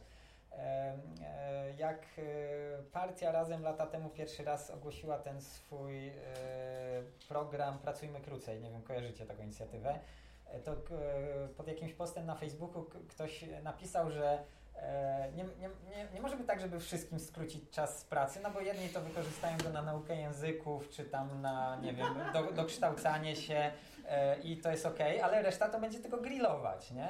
E, w sensie takiej z bardzo klasistowskiej pozycji był ten e, komentarz napisany, ale właśnie jakby chodzi o to, żeby ta klasa pracująca, bo to wiadomo, że o nią chodziło, po, poszła i grillowała, bo to jest moment zawiązywania się relacji pomiędzy tymi ludźmi, nie? A potem tacy ludzie, którzy mają czas y, wspólnie grillować i poznawać się na przykład z innymi y, kolegami z pracy, mogą mm, założyć związek zawodowy na przykład i zacząć coś działać. Nie, nie, nie zakłada się związków zawodowych tam, gdzie nie ma relacji między ludźmi, albo one są tylko takimi e, Tak, wydmuszkami. też może ktoś ci, nie wiem, usłyszeć, że masz złą pracę, tak, i pomóc ci jakoś, to też, to wszystko, to ja mówię, nie ma chyba nic lepszego, jak właśnie stosunki międzyludzkie, tak, nie wiem, no ja może jestem, wiem, może y, jestem osobą taką bardzo niepokorną, bo ja uważam, że praca powinna sprawiać przyjemność jednak. Y, mi mój ojczym całe życie wmawiał, że nie powinna, że praca jest po to, żeby pójść, pracować i nie musi ci sprawiać przyjemności, a ja zawsze jednak jakąkolwiek pracę nie wykonywałam. e, To się oczywiście wiązało z tym też, że oczywiście, no, bo wszyscy do mnie, a bo ty jesteś odważna i tak i tak dalej. Wcale nie, ja byłam bardzo osobą taką nieodważną, a mimo to, e, tak jak mówisz, się dążyłam do tej przyjemności, tak? Do przyjemności właśnie z pracy. I jeśli na przykład jakaś praca przestała mi dawać przyjemność, ja ją zmieniałam, tak? Dokształcałam się, zmieniałam. E, Wydaje mi się, że najgorsze, co może być, przepraszam, że tak a propos do Ciebie teraz mówię, to siedzenie w tym samym miejscu i odkładanie tych wszystkich przyjemności właśnie za 10 lat, bo a, a co się stanie, jak nie wiem, jak już jutro nie dożyjesz tego następnego dnia, tak? I będzie koniec, nie? No, Trzeba nie każdy ma taki przywilej. właśnie, Właśnie, każdy ma chyba. ale ja nie miałam przywilejów ża- żadnych. Ja pracuję, słuchaj, ja uciekłam z domu, jak ja miałam 16 lat y, i całe życie pracowałam na siebie i nigdy w życiu nikt mi nic nie dał, nigdy. No tak, ale mogłaś Też mieć czasy na się przykład zmieniają. e, dwójkę dzieci w wieku 17 lat i e, jakoś musieć się nimi zająć. I... Ale to są twoje wybory. Ja miałam akurat dzieci, jak miałam 18. 18, 19 prowadziłam swoją firmę. Jasne, nie, w sensie... Ale czasy były zdecydowanie inne. Były najlepsze czasy, żeby robić takie rzeczy. E, też to nie jest argument. chodzi Też to nie o jest jakieś argument. personalne kwestie, tylko jakby z lotu ptaka. Ktoś ma przywilej, ktoś tego nie ma i ktoś faktycznie musi pracować 10 godzin, nie ma czasu na to, żeby pomyśleć o przyjemności, a jednak jest to aktem rewolucyjnym, który nam się klaruje jako coś takiego ważnego. Tak, ale ja, ja, ja ja myślę o tym w ten sposób, że właśnie dlatego, że y, jakby jest y, klasa społeczna, która jest y, większością sp- spo, społeczeństwa, która po prostu haruje non-stop i nie ma dostępu do, do, do tych przyjemności, tak? I jedyny, jedynymi przyjemnościami dla tej klasy społecznej są te przyjemności, które są właśnie jakoś za, zapośredniczone przez, przez, przez rynek, przez, y, e, tak, są, są w jakiś sposób utowarowione i, i, i, i, są, są po prostu im, im w jakiś sposób te, te, te, też, też marketingowo, tak, żeby też nie, nie dezawuować tych przyjemności, które, które ci ludzie mają, tak, żeby nie, nie mówić, że, tak, że to są gorsze przyjemności, że to są przyjemności niższego rzędu, że one tak, nie, nie, nie, nie spełniają jakichś naszych ideałów tego, co powinno być przyjemne, tak, i czym jest prawdziwa przyjemność, tak, tylko żeby myśleć o tym, w jaki sposób można te przyjemności wzmagać, bo one też dają tym ludziom, tak, im, im więcej jest takich sytuacji, tym większe szanse ci ludzie mają też do, do, do tego, żeby się jakoś zorganizować i upodmiotowić. Czy to chodzi mi się wydaje też troszkę o to, że na przykład nie wiem, jak pracujesz 10 godzin, tak? To z tego co ja rozumiem na przykład, nie? To pozwolić sobie na przykład, okej, pójdę na to piwo, ale nie robić tego na przykład w domu, tak? Tylko właśnie z przyjaciółmi, tak? Że może z tego właśnie coś wyniknie, że no nie wiem, może akurat zainspiruje cię właśnie przez to spotkanie jakaś myśl, że a, a może jednak zmienię pracę, a może jednak Ale chyba właśnie chodzi o to, żeby do tego nie dokładać jakiejś takiej normatywnej, ideologii. normatywnej idei, że coś z tego ma wynikać. Tak. A co jest A, że po prostu, nie, no a, ale też może nie- z sąsiadem. No też nie- prawda? też Ale nie, nie, ale właśnie nie ma nic złego. No, Tak, natomiast to myśl, myślę, Tak. że, że je- jeżeli coś, to, to, to właśnie to jest trochę to, od, od czego dzisiaj zaczęliśmy, nie? Od tego myślenia w kategoriach trzeba pracować. No w tym systemie trzeba pracować, ale dlaczego nie możemy Tak. wyobrazić sobie takiego, w którym nie będzie trzeba tyle pracować? Tak, Bo właśnie to jest chyba sedno realizmu kapitalistycznego, nie? Tak, tak zwanego, że, że właśnie my jesteśmy tak w nim zamknięci ciasno, że nie jesteśmy w stanie sobie wyobrazić alternatywy. Wydaje nam się, że tak jest, tak trzeba i tak musi być. Dobra, ja Was przepraszam, ale jeszcze raz do tego Abramowskiego chyba, chyba od niego nie uciekniemy. I to jest trochę, to jest trochę kwestia tego, e, to będzie troszeczkę w kontrze do tego, co mówiliście. Bo Abramowski e, zwraca uwagę na to, e, jakby to jest kwestia tych ilu tam godzin pracujemy, nie? że jest taki problem z tą k- klasą robotniczą, tak? Abramowski to jest przełom XIX-XX wieku, ruch socjalistyczny prężnie się rozwija, proletariat z, z dużą świadomością, potężne związki zawodowe, które potrafią sobie wywalczyć skrócenie czasu pracy, no to że jakby przynajmniej e, teoretycznie 8-godzinny dzień pracy mamy, no to jest jakby efekt walk, które się wtedy toczyły, tak? Skracania tam stopniowo z 14 do 8. I Abramowski mówi, że jest taki problem, że ci robotnicy, e, jak już sobie wywalczą ten krótszy czas pracy, i mogliby więcej mieć czasu wolnego, to poświęcają ten swój czas wolny, żeby robić nadgodziny i jeszcze więcej zarobić. Tak? I on mówi, że to jest problem, który już nie jest stricte związany z organizacją społeczeństwa. Jakby to też, on te, też te wątki podkreśla, ale jest też problem związany z, z, z moralnością, czyli mówiąc dzi- dzisiejszym językiem, z tym, jak e, system nas upodmiotowił, w jaki sposób uformował nasze e, życia, tak? Na, naszą egzystencję, naszą podmiotowość, nasze ja że nie możemy sobie pomyśleć takiej, e, że jakby ciężko nam sobie wyobrazić, że moglibyśmy po prostu no, po tych 8 godzinach skończyć i, i pójść na tego grilla. Tylko, a tak, a jeszcze, jeszcze dwie godzinki popracuję, tam nadgodziny są ekstra płatne, a może jeszcze dostanę jakąś premię, bo się pokaże w pracy, że coś tam. Więc, więc to jest problem, to jest też problem z, w pewnym sensie z jednostką, z tym jak ona została sformatowana, że tak powiem. I, I wydaje mi się, że to jest ten moment pewnej pracy, pracy, chociaż ja bym wolał powiedzieć pewnego trudu, który musimy wykonać. Tak? Musimy podjąć pewien trud oduczania się tych nawyków, które nam zaszczepiono, żeby widzieć przyjemność w takich rzeczach, żeby mieć takie potrzeby jak mm, zarobić więcej, czy po prostu pracować i tak dalej. Oduczać się tych nawyków i to może być w pewnym sensie nieprzyjemne, a uczyć się u, u, uczyć się jakby z, żyć w zupełnie nowy sposób, tak? E, Ta, e, jakby potrzebujemy pewnego trudu, wysiłku, który musimy też sami na sobie wykonać, e, żeby e, pewien normatywizm sprowadzę, tak? Żeby oduczyć się tych złych przyjemności i nauczyć się tych lepszych przyjemności, tak? Tych złych to znaczy alienujących, które nas zamykają w, w tym domowym komforcie, ale tak naprawdę e, wprowadzają nas w jakąś taką dwubiegunową sytuację, że cały czas jesteśmy niezadowoleni, przygnębieni, czujemy się Zmęczeni. e, zmęczeni, a może nawet jakby e, sytuacja jest bardzo sprzyjająca za- zapadnięciu w depresję i potem przyjemności, które mają nas na chwilę jakby tam tak e, oderwać, e, nie wiem, uspokoić e, albo zregenerować e, albo coś tam, że jakby musimy się tego od- oduczyć i to będzie nieprzyjemne pewnie na pewnym etapie, żeby nauczyć się doświadczać tych przyjemności w zupełnie inny sposób, kolektywny, tak? E, więc mówię, tak może trochę, może trochę pod prąd do tego, co, co, co mówiliście. Ja, ja bym jakiś ten element takiego, nie wiem czy normatywizm to jest, jest dobre słowo, ale mm, Może, bo, bo można to pewnie zrobić też na wiele sposobów, nie? Bo wydaje mi się, znowu wracając do tego, do, do, do Bergman i Montgomery'ego, tam też jest mowa to, trochę o tym jakby wykształcaniu, tak?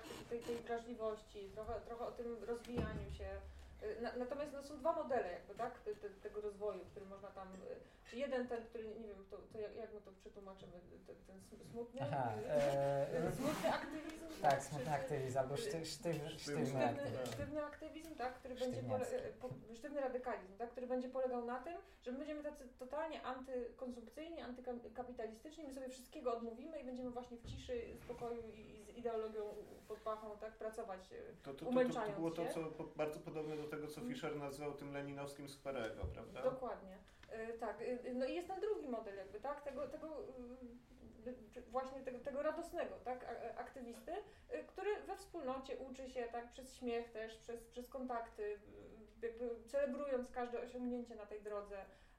I to uczenie się jest, jest, wyobrażam sobie, bardziej przyjemne, tak, niż to, które polega na tym, że wszystko od siebie musimy odciąć. Natomiast ten pierwszy model bardzo długo na lewicy... w tym momencie do jednak do jakiegoś, bo to, co Państwo dzisiaj mówią, to bardzo ważne. Z wieloma rzeczami nawet do pewnego stopnia mogą się wspólnie zgodzić, ale może przede wszystkim pytanie do Pana Przewodniczącego. Czy nie zbliżamy się do pewnego rodzaju szlachetnej, ale jednak nierealizowalnej utopii? Czy, czy da się żyć w całkowitym, permanentnym karnawale wymieniania się tymi dobrymi przyjemnościami? Obawiam się, że nie. Bo ja się tu wczoraj przyznałem, bo byłem na innym spotkaniu do pewnego pesymizmu i dzisiaj też wypada się przyznać, że oczywiście z tej perspektywy to formułuję, że ta szklanka jest do połowy pustka, a nie, nie pełna, to rozumiem perspektywy. Znaczy my jesteśmy na wygnaniu i mamy kondycję upadłą. Wydaje mi się, że, że tego się do końca nie da, nie da, e, nie da zrealizować. Oczywiście logika kapitalizmu, która wynika z, z protestantyzmu, z Lutra, to jest oczywiste, to już dawno zostało opisane. Ta logika konsumpcji, maksymalizacji PKB, zysku yy, i, tak, i, tak dalej, i to jest coś potwornego. Ja się, ja się z tym zgadzam, zwłaszcza w takiej wersji współczesnej, globalistyczno-finansowo-korporacyjnej. Ale to, co Państwo proponują, to jest jakby moim zdaniem no, też jakby, znaczy o tyle, szlach, tyle szlachetne, co nie, nierealizowalne, bo właśnie czy da się żyć bez pracy? No, ja tu prowokacyjnie po niemiecku powiem Arbeit macht frei. Znaczy, praca czyni wolny. Tylko rzeczywiście, czy da się zrealizować tak, tak, taki, taki świat, w którym wo- praca rzeczywiście byłaby wyborem, e, byłaby twórczością, tak jak tam młody Marx sobie roił, to są oczywiście moim zdaniem rojenia, bardzo szlachetne, niestety rojenia, bo rzeczywistość to brutalnie zweryfikowała, tak, że, że jak właśnie wszyscy będą mieli wolny czas, e, nie będą już e, wyalienowani, zmuszeni do pracy, to się zajmą twórczością, filozofią i poezją. Niestety nie. Większość ludzi będzie grillowała i knała wódę. Przepraszam, znaczy ja też na tym nie Strasznie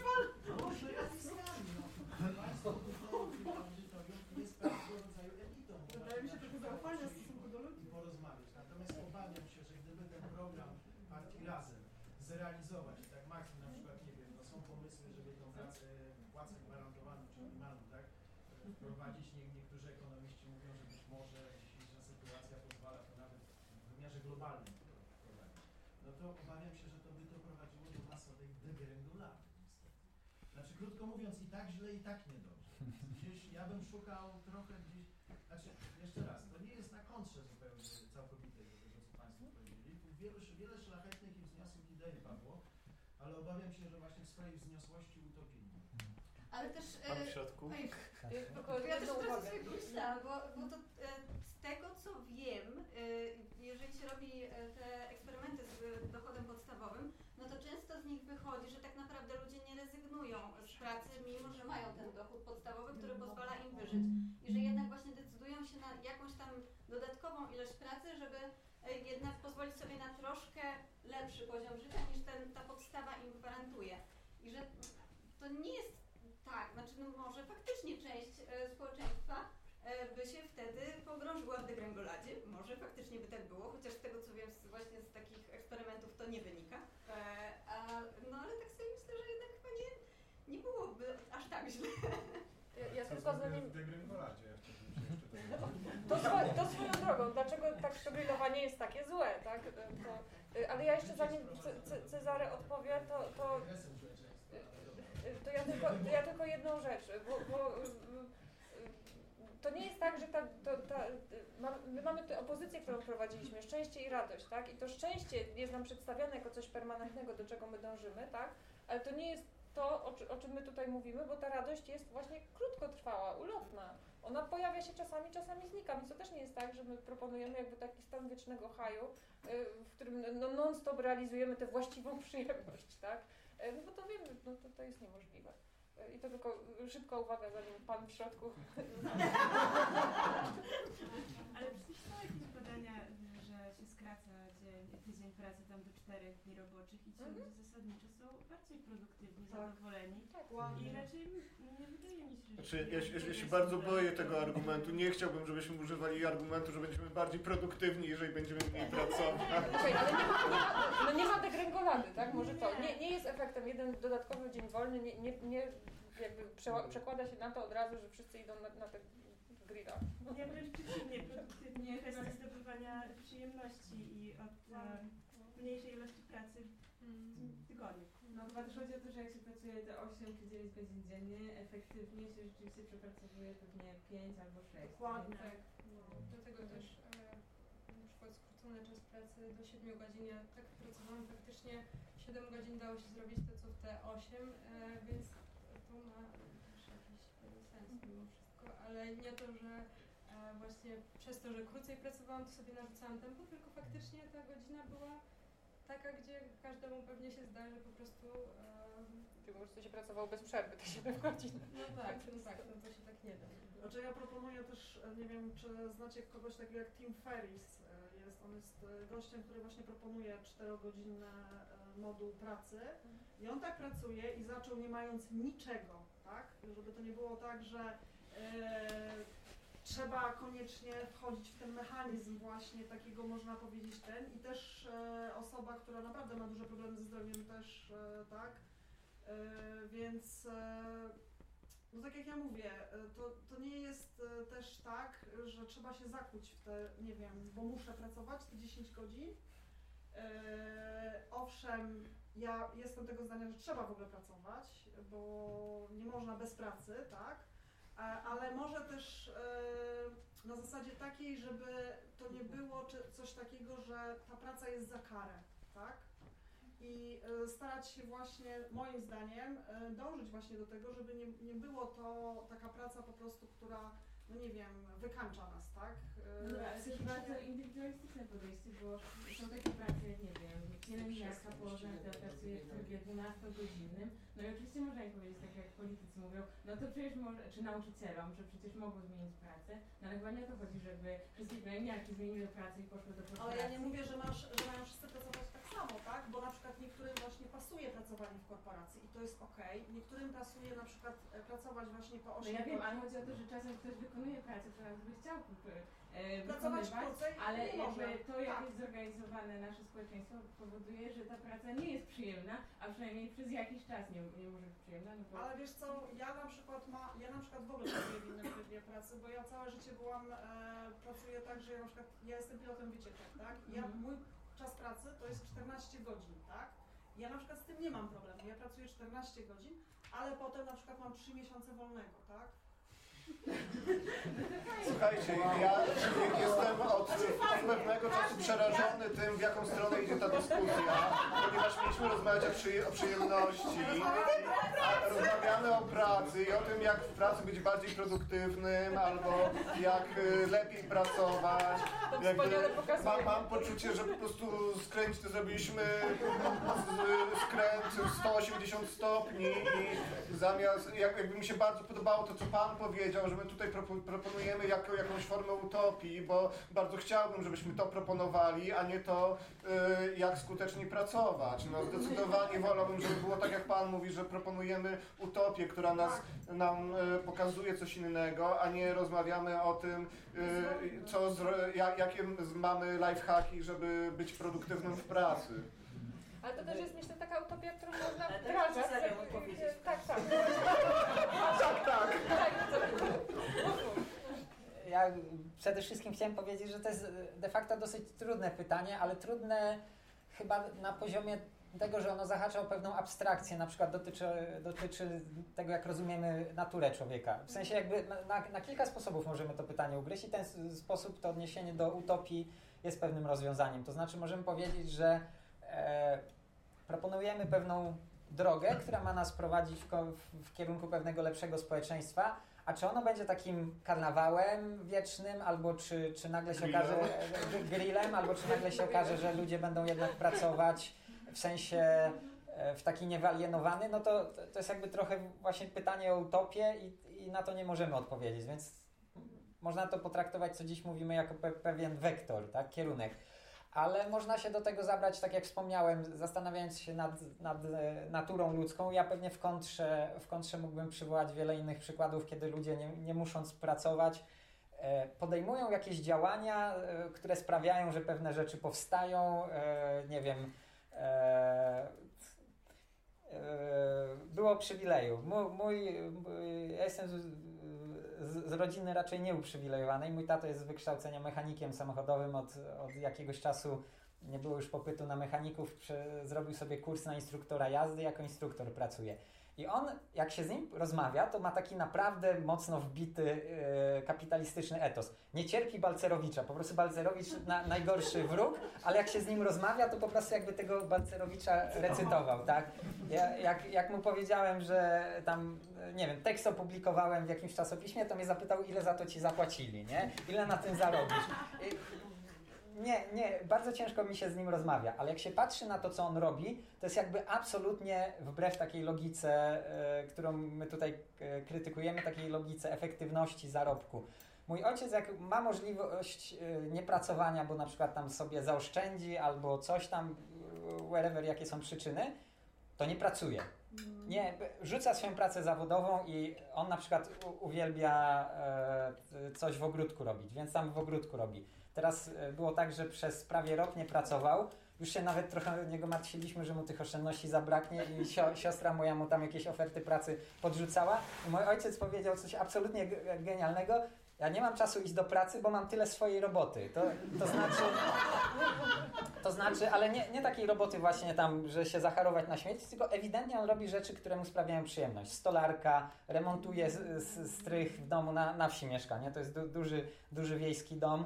Y, Ten remont trwa nie wiadomo ile, no bo on jakby ma za małe siły przerobowe i za małe fundusze, żeby tam kupić sobie potrzebne materiały, ale nie jest tak, że, e, że po prostu jakby dzień w dzień było grillowanie i wódeczka. Chociaż jak wujek przyjechał albo ja przyjechałem, to był grill i wódeczka, nie? Ale potem, ale potem kolejnego dnia, czy tam może dwa dni później, tak, dzień na regenerację, to był powrót, powrót do stolarni i, i, i robienie czegoś, tak? Albo pospawał szklarenkę od zera, szklarnię pobudował, nie? Więc ja bym powiedział, że e, jakby to jest to pytanie o naturę ludzką, nie? Ludzie mając czas wolny, czy właśnie w tą, czy w tą stronę pójdą. E, I, i znowu to jest takie pytanie y, trudne do odpowiedzi, ale je, je, jest jeszcze trzecia możliwość odpowiedzi na, na, na to pytanie i tym razem sięgnę po tego Greybera, którego już przywołałem. Greyber mówi, może musimy odmyśleć to, jak myślimy pracę i pomyśleć ją na nowy sposób, a ten nowy sposób nam podpowiadają feministki. Powinniśmy zacząć myśleć o pracy jako pracy reprodukcyjnej, pracy troski. Co będziemy robić, kiedy nie będziemy harować po e, 8 czy 10 godzin dziennie, tylko na przykład, no nie wiem, uda nam się do 2 godzin dziennie zredukować tę pracę. Będziemy wykonywać pracę reprodukcyjną, pracę troski, po prostu relacje pomiędzy sobą nawzajem budować, opiekować się o siebie nawzajem. Więc wydaje mi się, że wydaje mi się, że jest taka alternatywa, że jeżeli pomyślimy ten wysiłek, który nie jest związany z, z takim tradycyjnym wyobrażeniem pracy w korporacji czy, czy w fabryce, e, możemy pomyśleć, że jakby skrócimy czas tej pracy takiej tradycyjnie rozumianej, a ta przestrzeń wolna wypełni się nie tylko grillowaniem, ale po prostu jakimś takim dbaniem o siebie nawzajem. Tylko znowu musimy jakby pewien wysiłek wykonać, żeby, przepraszam, starych nawyków się oduczyć i e, Zdaje sobie Pan sprawę, że znowu wygłosił Pan bardzo szlachetną, ale bardzo utopijną ideę. Oczywiście powszechna empatia i braterstwa, to braterstwo podpisuje się, tylko jak okiem sięgnąć wokół wojna w No zgoda, jakby dlatego musi, ja się w pełni zgadzam. Fa- Fakty przemawiają na korzyść mojej tezy, że szklanka jest do połowy pusta, czyli natura jest zepsuta. A ja myślę, to... Nie jest tak, że jest pół na pół w takim razie? No Skoro jest właśnie. połowa. Znaczy ja, na przykład, ja na przykład nie widzę tak świata, że, że ludzie dążą tylko do indywidualistycznej przyjemności. Ja Zresztą, przepraszam, pandemia jest świetnym przykładem. tak, że E, pomagamy widzialna, sobie. widzialna ręka. Tylko się zaczęła pandemia, ludzie zaczęli sobie nawzajem pomagać. Na pa- właśnie nie można było liczyć na tych wszystkich, którzy nam tyle mówią o pracy. Na państwo, korporacje, prywatnych przedsiębiorców nie można było liczyć, tylko na siebie nawzajem mogliśmy liczyć. Przynoszenie zakupów sąsiadom. Podobnie E, wojna w Ukrainie, to samo. tak, dokładnie. Dokładnie, no. Właśnie tam, gdzie ja bym powiedział, no jakby perspektywa chyba jak najbardziej anarchistyczna, więc się odsłaniam. Tam, gdzie znikają instytucje, ludzie wreszcie mogą, wreszcie mogą pokazać, że są z natury dobrzy, solidarni i tak dalej. Chociaż może bym nie szedł w, w tą tezę o do, do, dobrej naturze ludzkiej, ona jest dla mnie za silna. Raczej myślę, że musimy organizować po prostu te swoje wspólnoty w pewien określony sposób, taki, który będzie też jakby uważał na pewne niebezpieczeństwa, nie? Ale, ale e, raczej właśnie pewne sytuacje pokazały, że, w, e, że, że tam, Że gdzie... potrafimy. Że potrafimy, tak? Myślę, że można też dodać, że przekonanie, że ludzka natura jest w 100% dobra jest tak samo nierealistyczne, czy, czy no nie wiem, jest tak samo utopijne jak przekonanie, że jest w 100% zła, nie? To, to nigdy nie jest ani jedno, ani drugie. Zresztą mówię, sam pan powiedział, jest do połowy, tak?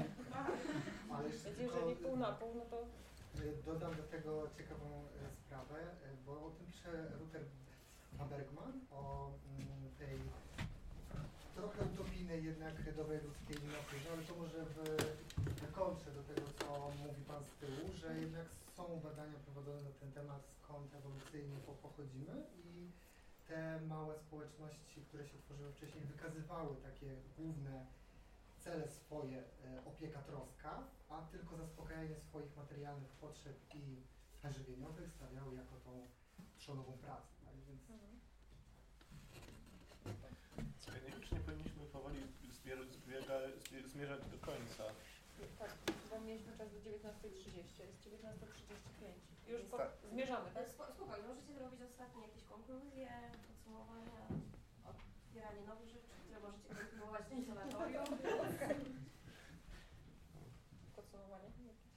Podsumować chyba ciężko.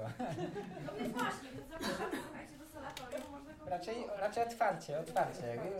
Słuchajcie, to jak to, to, to, to, może, e, to może mała reklama e, No na, no na właśnie. koniec. Ale e, e, reklama jest taka, że e, jakby dla mnie ten temat przyjemności e, to, to jest temat właśnie otwarty i jakby pole do szukania. E, razem z Basią Brzezicką, której tu niestety nie ma, bo, bo, bo się e, rozchorowała. E, Wspólnie planujemy numer takiego pisemka Czas Kultury. Zatytułowaliśmy je Polityki Przyjemności. E, Czas Kultury jest o tyle fajnym pismem, że przyjmuje również eseje, które nie są tekstami akademickimi. Teksty akademickie przechodzą recenzję, jakby standardową procedurę publikacji e, tekstów naukowych, ale można też tam zgłaszać teksty nienaukowe i one idą bez recenzji. Jeżeli redakcja uzna, że spełniają warunki, to mogą być też opu- opublikowane, tak? I właśnie chcemy wspólnie, jakby zapraszamy Was wszystkich do wspólnego zastanowienia się nad, nad e, politycznym znaczeniem przyjemności, ale właśnie jakby uciekając od tych dwóch e, od tych dwóch kalek, którymi się najczęściej posługujemy, czyli od kalki takiej powiedzmy e, konserwatywnej, która w przyjemności widzi jakieś osunięcie się w hedonistyczny nihilizm, czyli coś złego, i od kalki liberalnej, która w przyjemności widzi tylko właśnie jakby indywidualne zaspokojenie, tak?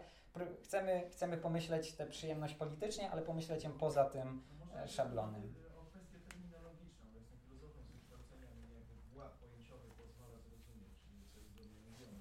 Bo jak Państwo mówią ciągle o tej przyjemności, to ja mam wrażenie, że Państwo mówią de facto o satysfakcji. Czy Państwo by się na taki ekwiwalent y, zgodzili? No. E, e, Czy ja mam złą intuicję? Znaczy, Jeśli, o, żeby mieć satysfakcję z życia i jakieś poczucie spełnienia, przynajmniej doraźnego do pewnego momentu, do pewnego stopnia, no oczywiście nie idealnie. Jak robimy pewną zgodę, że w raju nie żyjemy i raczej w przewidywalnej przyszłości żyć nie będziemy. Ja, ja myślę, że to jest jakby właśnie kwestia tego, że, że jakby trochę próbuję, nie wiem czy się ze mną zgodzicie, ale ja trochę próbuję skonstruować to pojęcie przyjemności na nowo, bo uważam, że to z którymi e, jakby się obudziliśmy w tej rzeczywistości, ono jakby nie spełnia, e, nie satysfakcjonuje mnie. E, Jest z nim coś nie tak i chciałbym, chciałbym je zbudować jakoś na nowo. Ja na, ja na, przy, na własne potrzeby wprowadziłem taką dy, dystynkcję, ale nie, nie jestem do niej jakoś tak fanatycznie przywiązany, raczej dzisiaj się nią nie posługiwałem. E, Na przykład dla mnie bardzo fajne intuicje są zawarte w, w polszczyźnie, tak? De facto, jeżeli popatrzeć na to, jak funkcjonuje język polski, to ja nie lubię tego słowa przyjemność. Nie, nie, chcę, nie chcę teraz wprowadzać takiego rygoru terminologicznego, ale przy, w przyjemności słychać przyjmowanie. Przyjemność jest bierna, tak? Ja, ja, ja coś odbieram, tak? E, o wiele ciekawszym polskim słowem jest rozkosz, tak? Bo, ten, ten przedrostek ros, on wskazuje na dwie rzeczy. Po pierwsze, uintensywnianie się tego doświadczenia, tak jak rozchorować się, rozgrzać, tak? Co, co się staje bardziej intensywne, czyli rozkosz, rozkoszowanie się jako doświadczenie, które się intensyfikuje, ale roz też e, opisuje pewną pewne rozprzestrzenianie się, tak? Jak, ro, e, no, no nie wiem, e, rozdystrybuować coś, tak? E, rozmieścić w pewnej przestrzeni, tak? Rozdać, też jakby z innymi się podzielić. Więc dla mnie, tym, jeżeli mielibyśmy dążyć do jakiejś precyzji pojęciowej, to wyszedłbym od tego, że raczej powinniśmy mówić o rozkoszy, rozkoszy jako o doświadczeniu, które się intensyfikuje, a do tego rozprzestrzenia jest wspólnotowe. Rozkosz jest, tak ją próbuję rozumieć, współdoznawana, ale też współwytwarzana. Tak jakby zakłada te, zakłada tę wspólnotę w przeciwieństwie do przyjemności, która jest bierna, indywidualistyczna, odbiorcza i tak dalej, nie? E, Jakby w tym kierunku bym szedł, ale dodam, że, że to jest jakby, po pierwsze, nie chciałem dzisiaj jakiegoś takiego rygoryzmu terminologicznego tu wprowadzać, a po drugie wydaje mi się, że jakby my dopiero próbujemy skonstruować to pojęcie przyjemności na nowo, nie? I jakby te różne tropy, które się pojawiały, różnica między radością a szczęściem, czy, czy między komfortem a, a, a przyjemnością, to są jakby takie składniki tego nowego sposobu rozumienia przyjemności, No, ale ale, ale przepraszam, ten właśnie słowo joy to właśnie jest bardziej rozkosz, tak? Joy to jest, to jest takie właśnie cieszenie się takim całym sobą, właśnie bardziej dawanie. To jest właśnie taka rozkosz. Bardziej tak bym, nie? To, to... No, y, w, y, to, to, to, to, to pytanie o, o, o satysfakcję mi przypomniało, że w o, e, opisie na tego wydarzenia na, za, zapytaliśmy, czy Mick Jagger dozna w końcu satysfakcji. I tak, e, e, e, jeśli, jeśli miałbym odpowiedzieć, to, to, to, to powiedziałbym, że chciałbym, żeby on nie musiał do, doznawać tej satysfakcji, żeby właśnie tak, że, że, że, że możemy mówić właśnie o, o radości czy o przyjemności jako czymś, co, co te, te, te, też jest jako w jakiś sposób y, procesualne, a nie co polega na tym, że tak, po prostu wykonujemy jakiś wysiłek, dochodzimy do czegoś, mamy, mamy tę przyjemność odfajkowane, tak, mamy tę satysfakcję y, chwilową i y, tak poruszamy się od punktu do punktu, więc myślę, że to jak i y, wy, wy, wy, wydaje mi się, że co, co, co, co, co, co, co, co do e, tak, tak jakby te, te nasze krążenie wokół tych pojęć przyjemności, satysfakcji, komfortu i tak dalej, jakby też, też służyło trochę temu, żeby, żeby pokazać, że one nie muszą być właśnie tym, nie muszą być sprowadzone do tego, tak, żeby mieć taką, y, tak, tak, tak, taki chwilowy, y, chwi- chwi- chwilową satysfakcję, chwilowe spełnienie, po którym tak znowu będziemy, będziemy czegoś po, po, po, poszu- poszukiwać. Tak, no i chyba tam chodziło właśnie o to, że, że, że nie da się w, ta, w taki sposób właśnie tej satysfakcji koniec końców się i tak nie, nie, nie, nie zdobędzie, więc... y, Ale proponuję, żeby to przenosić y, już w kuluary, tak?